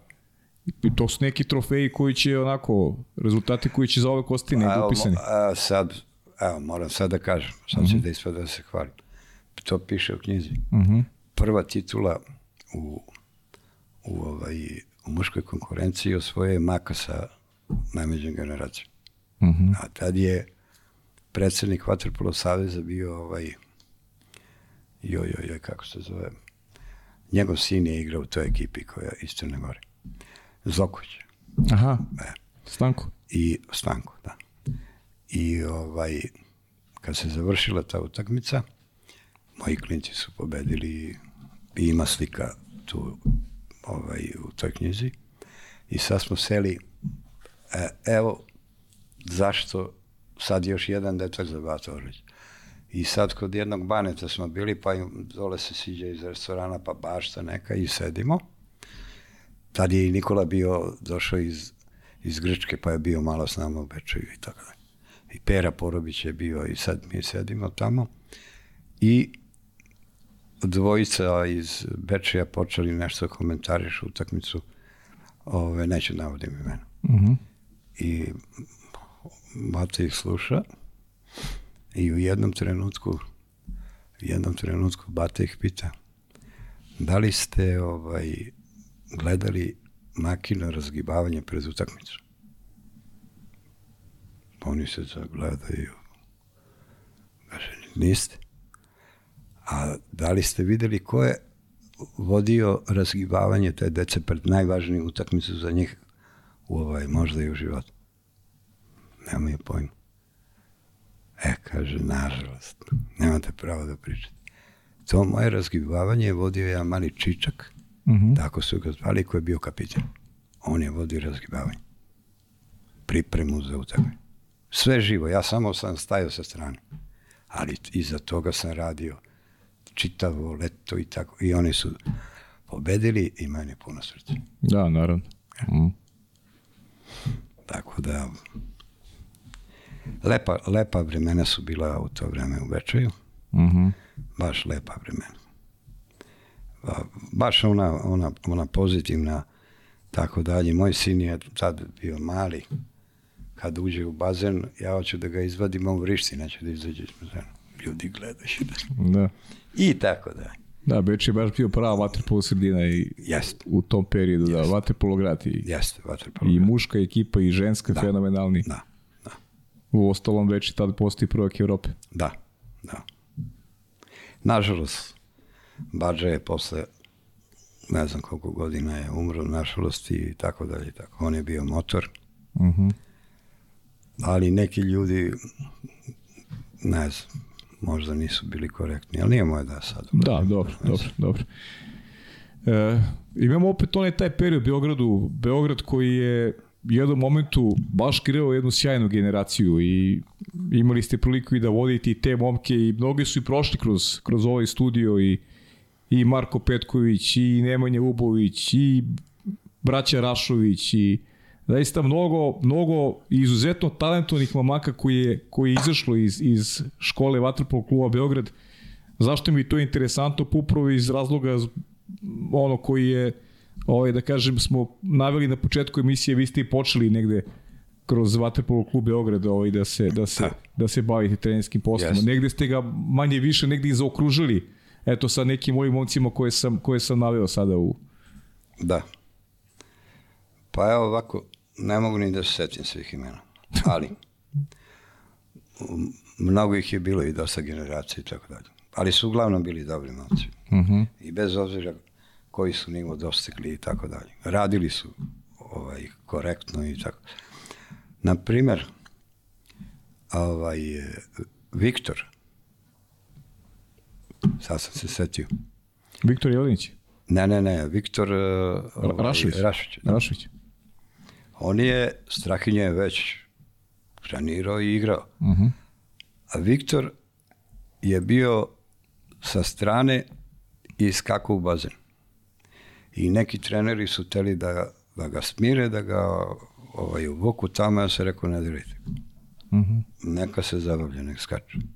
I malo po malo, malo po malo, i on je ušao u ekipu i, ja, i on je došao dokle je došao. Uh -huh. Ne može na silu ništa. Da. A opet strpljenje je neophodno. Pa da. nema, pa, mislim, dete, dete mora malo i da se poigra.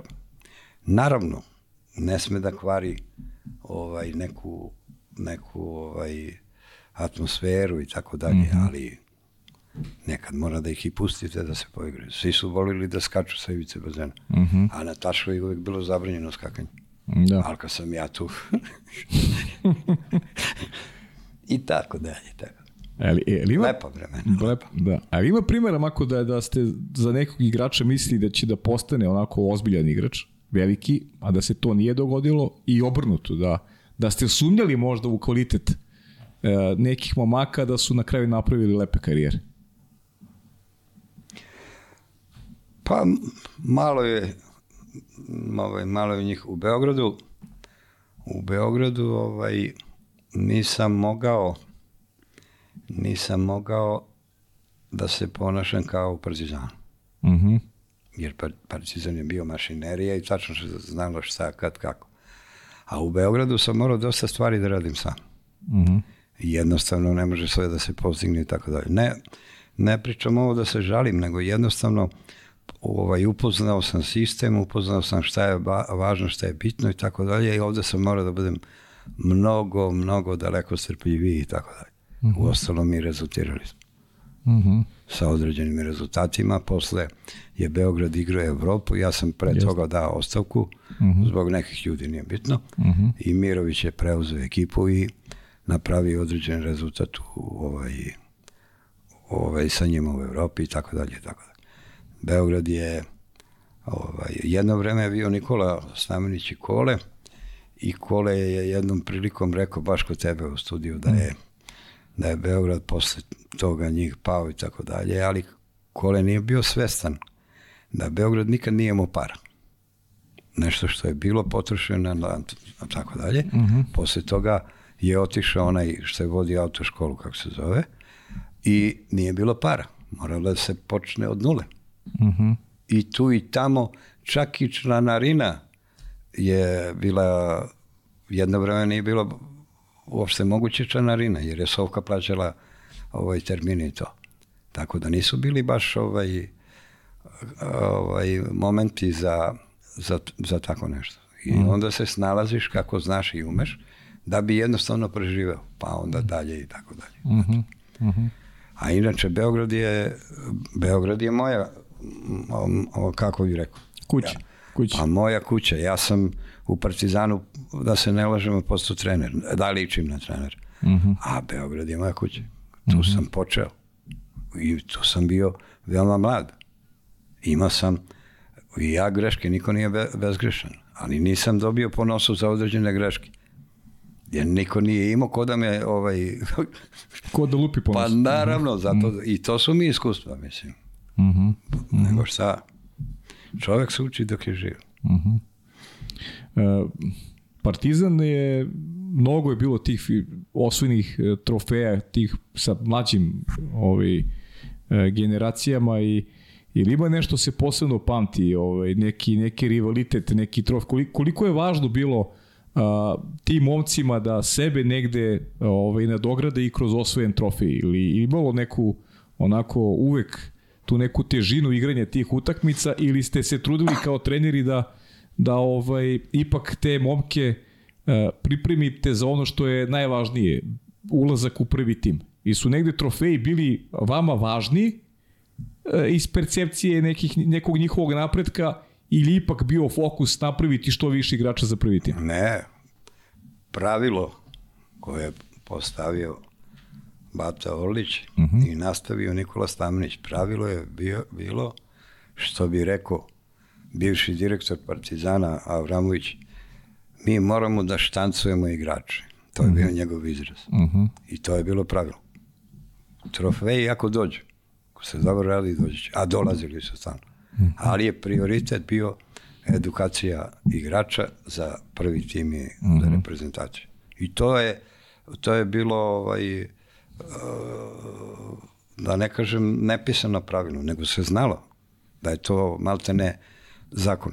Mm -hmm. I tako su morali treneri da su da ovaj da se aklimatizuju prema tome. Ne može, mm -hmm. niko u Partizanu nije mogao da radi ni, nešto na svoju ruku. A evo sad ću vam reći šta mi je, šta mi je radio, to sam pričao na jednoj sa Dejanom kad sam bio na fakultetu pred ovu promociju prodave mm -hmm. knjige. Bata Orlić mi je rekao da napravim, da, prvo mi je pitao za igrače šta je dobro, ja sam mu rekao naše mlađe kategorije su ovaj, oštećene. On kaže u čemu? Pa ja kažem, najmanje, o, zašto nemaju šut? Najmanje vremena dobiju za šutiranje. A on me gleda, gleda, gleda. Pa kaže, šta ti misliš? da ovaj, jel ti možeš da dođeš jedno pola sata, 40 minuta ranije pre našeg treninga, da namestiš u ćošku neke golove, pa da oni šutiraju pred trening. Ja sam godinu dana dolazio svaki dan. Znači, mm. Bata je uvažio mm -hmm. ono što, što, što sam ja, na primjer, snimio i tako dalje. Mislim, ne, ne, ne mogu da se setim svega šta je on govorio. Pa on kad ti nešto kaže, On, on, on na, gla, na bazenu nije podigao glas. Ne pamtim da li nego podigao glas. Mm -hmm. Ma kako? Tako da... Uf. Mislite na treningu, tokom treninga, nikada nije... Ma naravno. Nije, nije bio... Pa čak i za vreme utakmice vrlo redko. Mm -hmm. Ili, dovoljno je da uzme namesti naočar i da ustane. Svi ovako je. Pa ne, pa to, to se rađa. Mhm. Mm Evo sada, evo sada, ovaj, kako se zove, oko planova i programa, to smo pričali tamo na tom fakultetu, kad je Dejan mene prekinuo. Pa kaže, ajde ponovi. Ja kažem, šta da ponovi? Koji plan i program rada? Ja kažem, dnevni. Koji još? U nedelji. Koji još? Mesečni. Koji još? Godišnji. To me Dejan pred kamerom, kad smo bili. Uh -huh.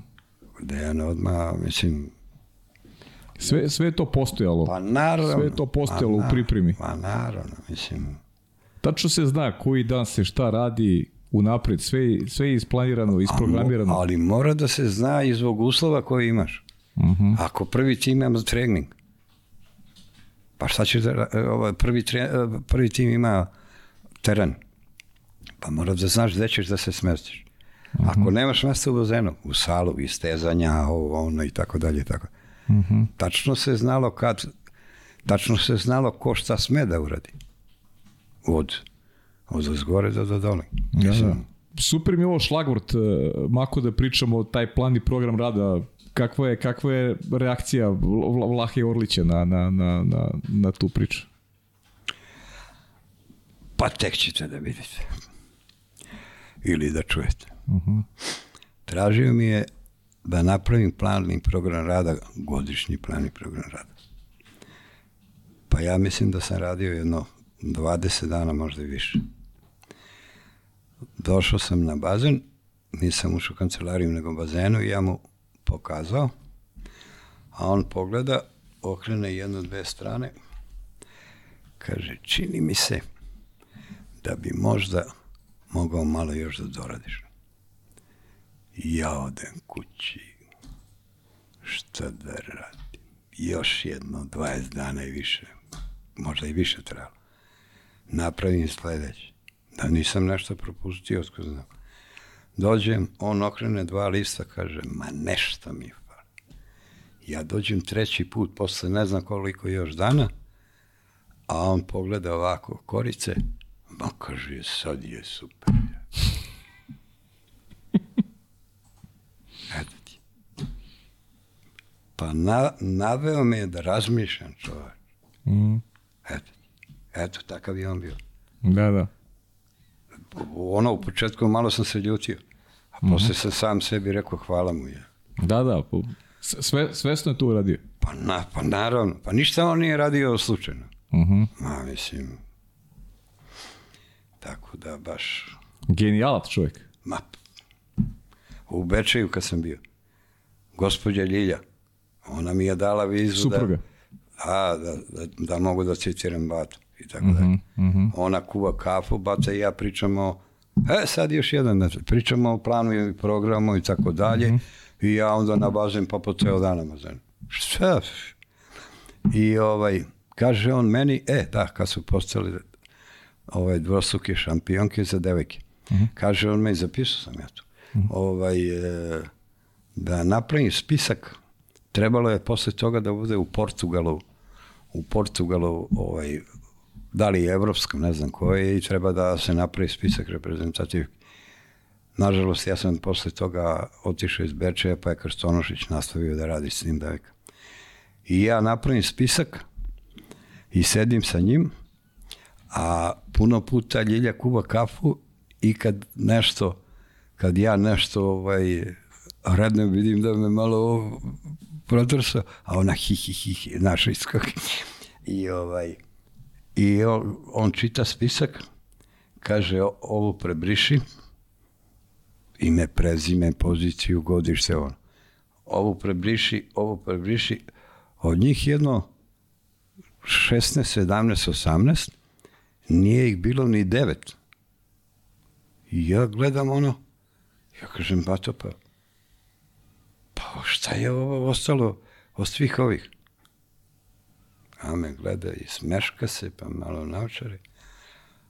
A ove što si prekrižio, on to malo tako, one će do prvenstva u, u ovoj Portugalu. Portugalu da se zaljube i da se udaju. Ne, neće ti one igrati. I ja krenem prema bazenu i kažem kakav je ovaj matori, kako mu radi mozak, na koji način on razmišlja, meni to nije palo na pamet. uopšte. I mnogima i dan danas to ne pada na pamet, kad je u pitanju ženski vaterpolo. Uh -huh. Eto ti. Pa kako onda, ka, kako ja onda da se osjećam posle svega ovoga što sam se sad setio, pa ono pre toga i tako da. Mislim, Da. čudo je bio. Mogli bismo da napravimo jednu celu emisiju ovaj, Pop. sa batinim replikama. Pa mislim, ne, ne znam, možda će i mnogi da komentarišu na neki drugi način, ali to su, to su moje emocije jer sam bio svakodnevno sa njim. Mhm. Pa čak i u Bečeju svako jutro. Mhm. Bata kad se pojavi na bazenu na banjici u ono vreme, to smo imali mi treneri obično da kažemo, kad ulazi od onih vrata pa ovako ulazi u bazen, pojavimo se samo jedno staklo od naočara. Svima skoči tenzija za, za 80%. Da treba više da pričam dalje. Da. Ma. Takav autoritet. da, da.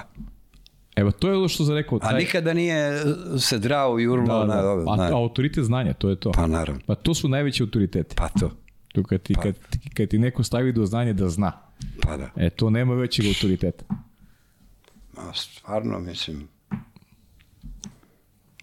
Nevjerojatno koliko je, koliko je čovek i on i Nikola Stamenić i, i Ratko Rudić, koliko su inspiracija evo i ovim današnjim trenerima i Nena. i Nena. A ne naravno. zaboravimo, ja sam ja ulazio u duele sa Nenom, ali Nena je bio ludak za vaterpolo. Nena je radio 24 sata za, za vaterpolo. Mhm. Ali onda se malo, on i ja zakačimo zbog nekog tamo trenera gde on ne može da mu kaže, pa ja, moram ja da mu kažem. Kažem, Nena bre, a on me zagrlije. Ma, misli šta je da ti, Mhm. misli šta je da vam pričam. Baš su, ma nemam reći. E, to nisam mogao, to nisam imao u Beogradu kad sam se vratio. Mhm. Ovaj, e, ja na drugi način su ovi mlađi ljudi posmatrali to i nisam ni hteo da se ponašam tako kao, kao tamo. Ipak o, drugačiji su, ovaj, mora da budeš fleksibilniji, mora da budeš srećen kad ti treneri dođu na, na trening. To je, da- to je danas, to je danas važno. Mhm. Tako je.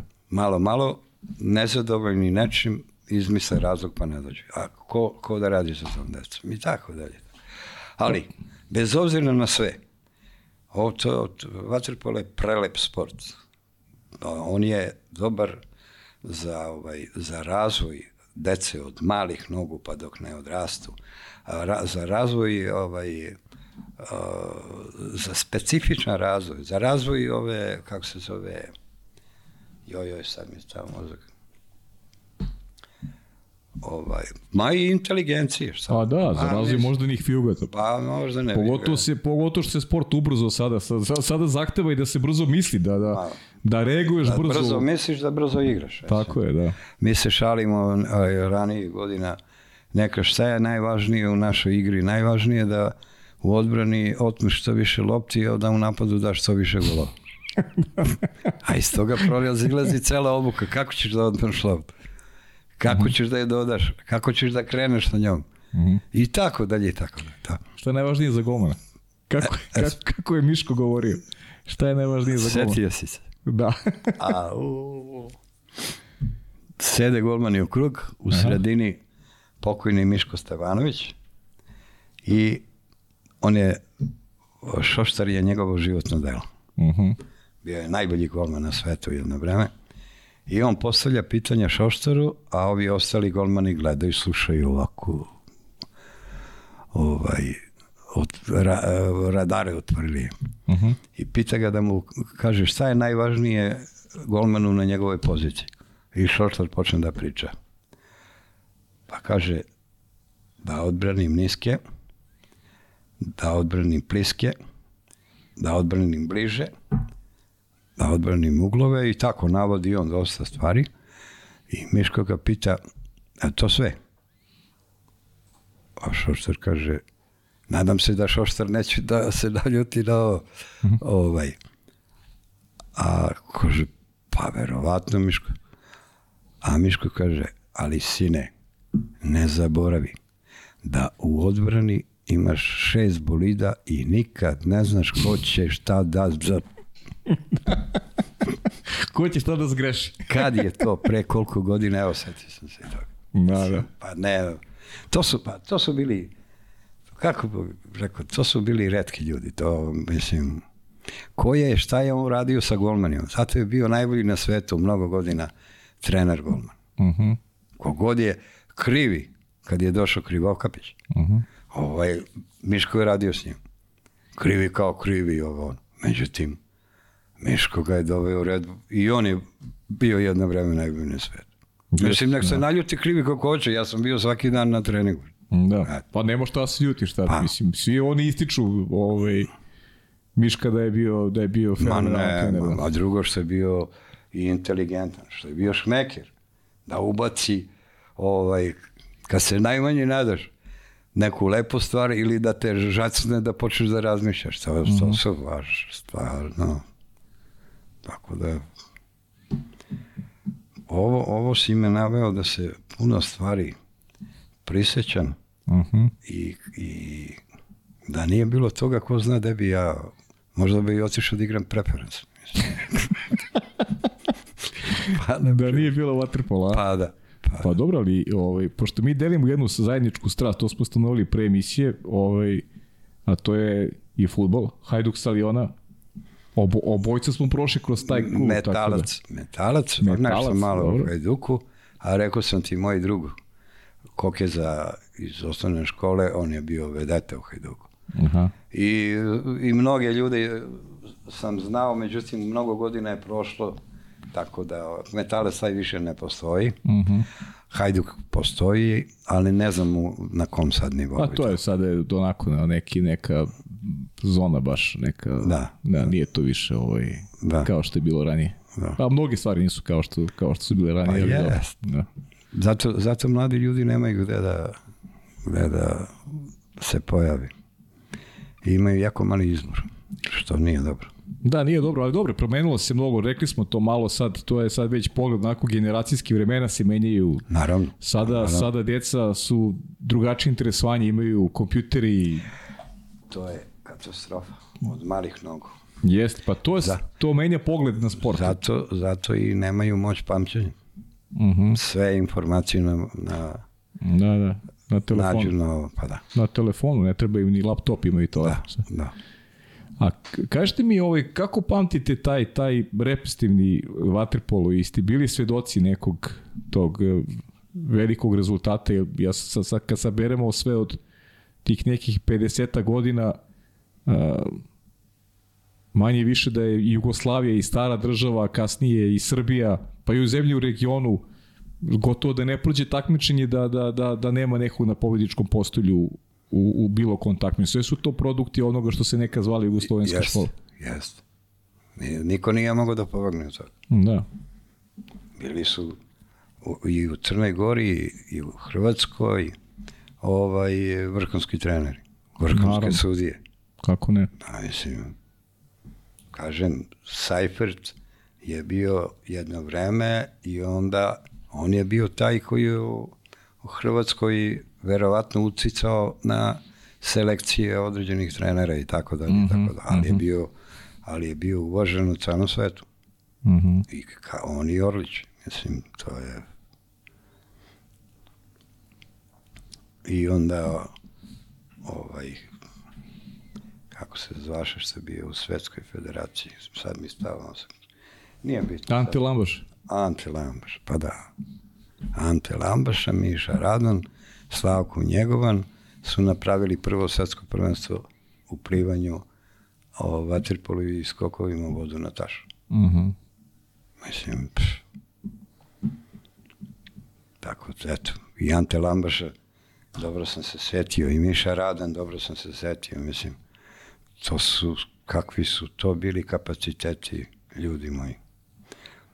Ali eto, ništa, ovaj, uh, neka im je slava, život teče dalje i sada, ovaj,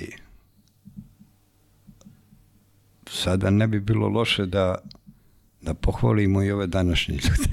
Da, naravno. pa naravno, Naravno. mislim, pa, još, pa upravo dobija na znači ono što sam malo pre rekao, da su deca, deca drugačije usmerena, a, a vaterpolo i dalje se održava, ne da se održava, Opstaje. nego je, pa ne, a vaterpolo je, vaterpolo je broj jedan u Srbiji sport. jeste. E sad što možda nema tu tu vrstu privilegije na taj način rezultatima, Waterpolo služuje da bude da ima apsolutnu podršku svih struktura i, i da možda negde se sa uh, agresivnijom kampanjom da se, uh, kako god to zvuči, da se mladi negde ove, usmeravaju na, na, na sport koji je toliko uspešan, pritom zdravije za, za generalno za, za, za svako dete, muško, žensko, nebitno, a, a pritom je sport koji uz ovakvu strukturu, sistem koji postoji toliko godina, koji osposobljava a, ljude da budu vrhunski sportisti, ali ih osposobljava da budu i a, da budu dobri ljudi. Naravno. Pa to je to je najvažnije ovo sad što ste rekli da budu normalni i dobri ljudi.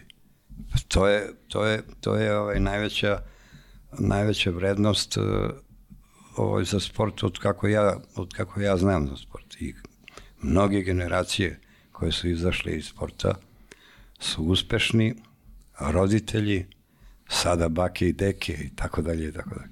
Mm -hmm. to, to je sad šta je šta je sada ne, rekli smo da nećemo da pričamo o problemima sku, ovaj, uslovi za rad su, bazeni su ovaj, preskupi. Uh mhm. -huh. I to malo i to malo usporava sve ovo.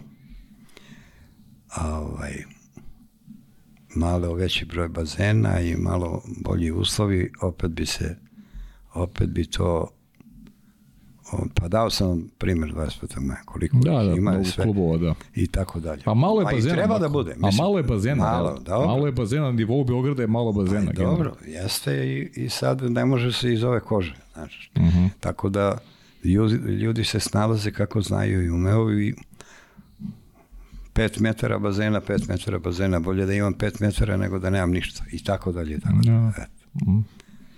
Nije ovaj, sjajno, ali ja se nadam da će malo da će malo da ovaj što se tiče uslova da da ovaj malo ljudi pomognu i tako dalje tako. -hmm. Fića je sam ovaj prihvatio da bude u Partizanu bez nadoknade. Mm -hmm. Svaka mu čast. Fića će da utiče, naravno on još uvek je tamo sportista, ali već ima neki broj ljudi koji će malo da pomognu i tako dalje. Bez toga ne može. Ne, ne mogu desetak, 15 ljudi u klubu da, da završe bez pomoći sa strane. Mm -hmm. Koliko god da su ovaj, tako dalje. Ne znam, ali uh, ne znam šta da kažem, a da ne izgleda da ja sad nešto ovaj, filozofiram, ne pada mi na pamet ali mnogo od, od 77. sam u vaterpolu. Da. Sve živo, sve faze u razvoju sam prošao. Mm. Tako da... Dugačak period. Pa dugačak, mislim. Ma ja nam pustimo sliku onu sa, sa Nikolom Stamenićem i sa Batom Orlićem. Tu i Slavko njegovom zaista, evo, to je, to je lepa fotografija. Evo ga, Slavko, njegova legenda. Da, Nikola Stamenić. Mladena, Nikola Stamenić legenda igračka i trenerska. Moja malenkost, sad sam bio malo mlađi. Malo mlađi. Da. I sa desne strane Rajko Ignjačević, advokat koji je pomagao Vaderbolu. Da. Isto mnogo. Pored, pored Bate Orlića, da. Jeste, jeste. A ovo je, ovo je desno sudija iz Hrvatske, sad sam zaboravio njegove ime. Da. Dosta dugo, ja mislim da je i sudi dan danas još. još uh mhm. -huh. Eto, to su ovako, to su ovako... Lepe uspomene. Ma kako ne. Moramo da pozdravimo našeg druga Nikolu Stamenića. Mnogo nisam ga video dugo, već dosta godina. Uželeo, želeo bih i uželeo sam se da ga vidim, ako to ikako bude moguće. Eto, ja mogu samo ovaj, da, da ga pozdravim Nikolu i ja bih volao da ga upoznam. Nisam imao priliku da ga upoznam, nikada volao bih da ga upoznam, ali ovaj, u svakom slučaju poštujemo njegove njegove izbore, znamo da se povukao iz tog nekog javnog života, jest, tako da jest. tako da to treba poštovati i naravno ovaj nije loše i uvek ćemo i to da radimo, da se posjećamo njegovih dela, a zaista je zadužio mnogo ovaj sport, tako da tako da je lepo, tako da je lepo što eto iz ove današnje emisije možemo da izvučemo opet da kažem i neke lepe pouke i neka lepa iskustva koje su vezane eto i za, za lik i delo i velikog Nikole Stamića. Naravno. Hoćemo malo se, Mako još ima neka pitanja ovde, pre svega ovaj, moja koleginica Aleksandra Milošević. Pa još... ali, ali ne treba preterivati. A još malo neka pitanja da prođemo samo i tačno da ste se probali malo i ulozi, i ulozi spikera. Da je to jedan od načina na koji ste... Ovaj, Ulozi spikera? Spikera, da. Yes. Je tako, a? Yes. Ko, ko, ko to pita? Aleksandra Milošević, ovo moja koleginica. A, to malo ko zna, a? Malo. Sve utakmice, sve utakmice sam ja prenosio. Ove i svetske i ove, bio spiker. Uh -huh. Kad nije bio Miša Radan. Uh mhm. -huh. A sva obaveštenja Natašu sam ja preko mikrofona. I stalno su pitali ko to, imao sam verovatno kvalitetan glas Jeste. preko mikrofona i tako uh mhm. -huh. dalje. I nije promašali, jeste. Uh -huh. Uh -huh. A beach waterpolo, pričali ste o beach waterpolu da je to neka, neka budućnost. Ili dalje imate ovaj taj stav da beach waterpolo može da... Je li ona sa Pinka? Nije, nije, nije, nije. Ovaj, pa, ako ništa drugo, ovaj, ne bi bilo loše i u trenizima ovog waterpola priključiti beach waterpolo zato što razvija brzinu reakcije. Uh mhm. -huh. A razvija mnogo toga jer u beach waterpolu a, kako da, ja sam bio na jednom u, vodio sam jednu ekipu u Vojvodini, gde beše ono koje je ono mesto, imam i slike, vodio sam ekipu, moja ekipa bila prva.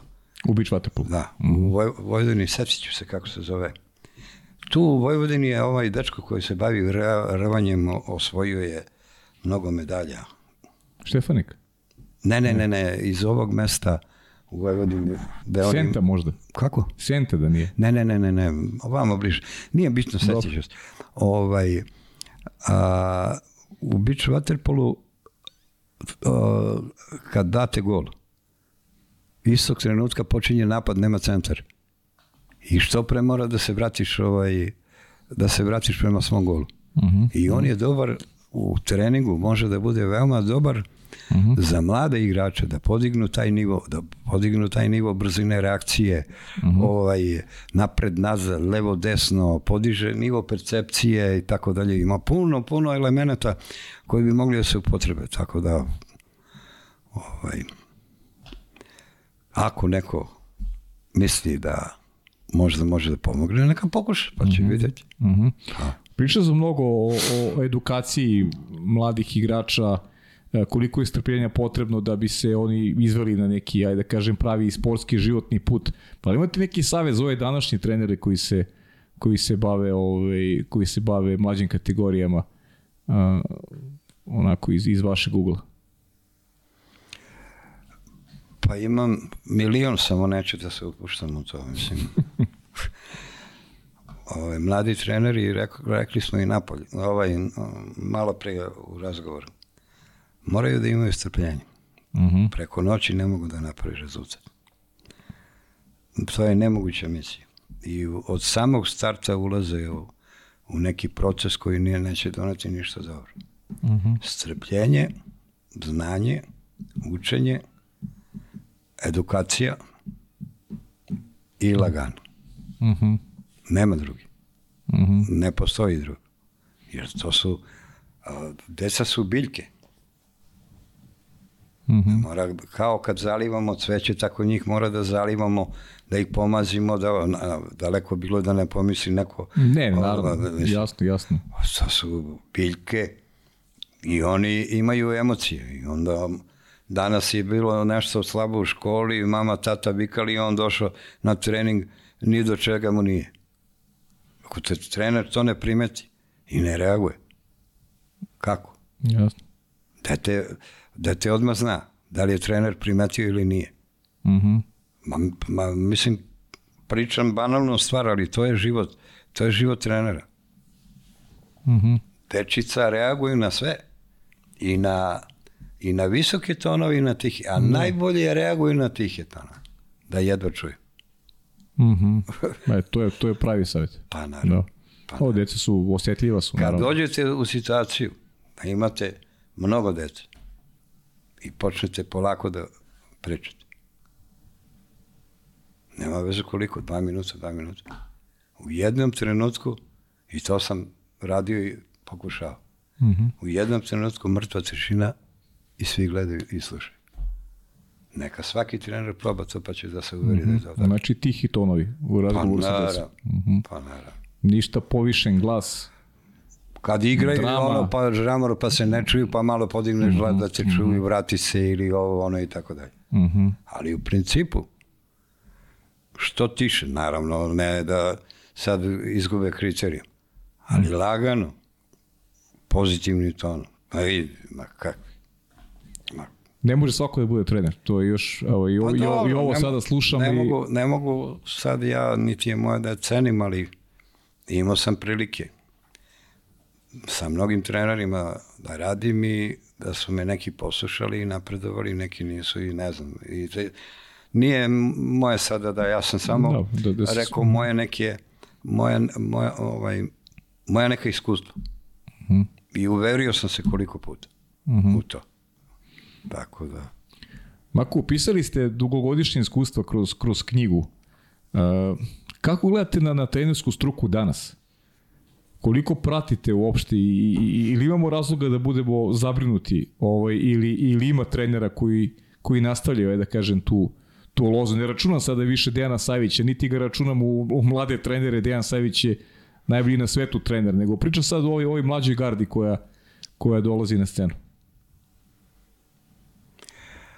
Pa pravo da vam kažem, nemam, nemam baš toliki uvid, jer poslednjih osam meseci sam par puta bio na bazenu, jer ovaj, atmosfera mi više malo, malo smeta i nazev i tako dalje. Mm -hmm. Ali video sam jedan broj trenera koji se posvećuju tome, koji se trude da urade nešto, da li imaju fond znanja ili nemaju, ne znam, ali vidim da imaju želju, što je najvažnije.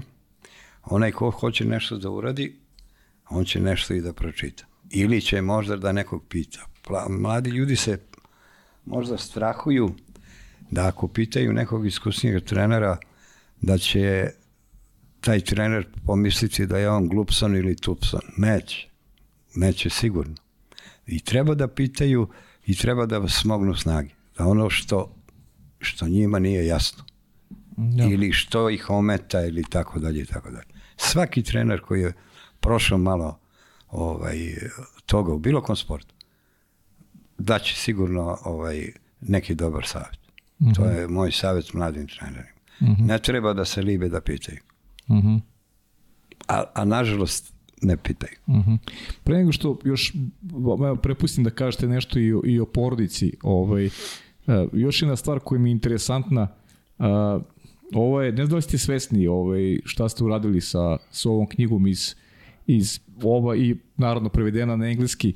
E, to je profesor Koprivica rekao na, na promociji da, da je srpski vaterpolo da postoje dve velike nelogičnosti, a to je odnos broja, broja bazena koji postoje na nivou države i velikog uspeha koji, koji vaterpolo ima i nedostatak stručne literature ili manje više nije postojala stručna literatura dok ova knjiga nije izašla. Pa mislim da, da evo, bez neke, ne treba, to sam ja rekao, niste se, niste se vi hvalili, ali evo i Aleksandra moja e, i, i ovo, evo i sa ove moje strane dugujemo veliku zahvalnost za ovo što ste uradili, za ovu knjigu, jer pomoći će i nama koji volimo vaterpolo, a ne znamo ga dovoljno dobro, da, da nešto naučimo, a mislim da ovakve neke edukativne knjige da su neophodne ovaj, za, za, neko, za neko pojmanje sporta i za, i za nešto što vaterpolo mora da ima kao najtrofejniji sport na ovim prostorima? Pa ne znam šta da vam kažem, ja, ja sam ovaj, ja sam u ime vaterpola pokušao ovaj, nešto, ja sam mnogo godina u vaterpolu, da nešto, da nešto napravim, da ostane neki pisani trag. Zašto to drugi nisu uradili? Ne znam. Fića je rekao na ovoj promociji u Savezu da je razgovarao sa mnogim trenerima da ostave neki trag i uh -huh. ovaj, da nešto napiše, tako dalje. Niko, to je jasno rekao, niko od njih nije hteo i onda je mene malo pohvalio za ovo, tako dalje.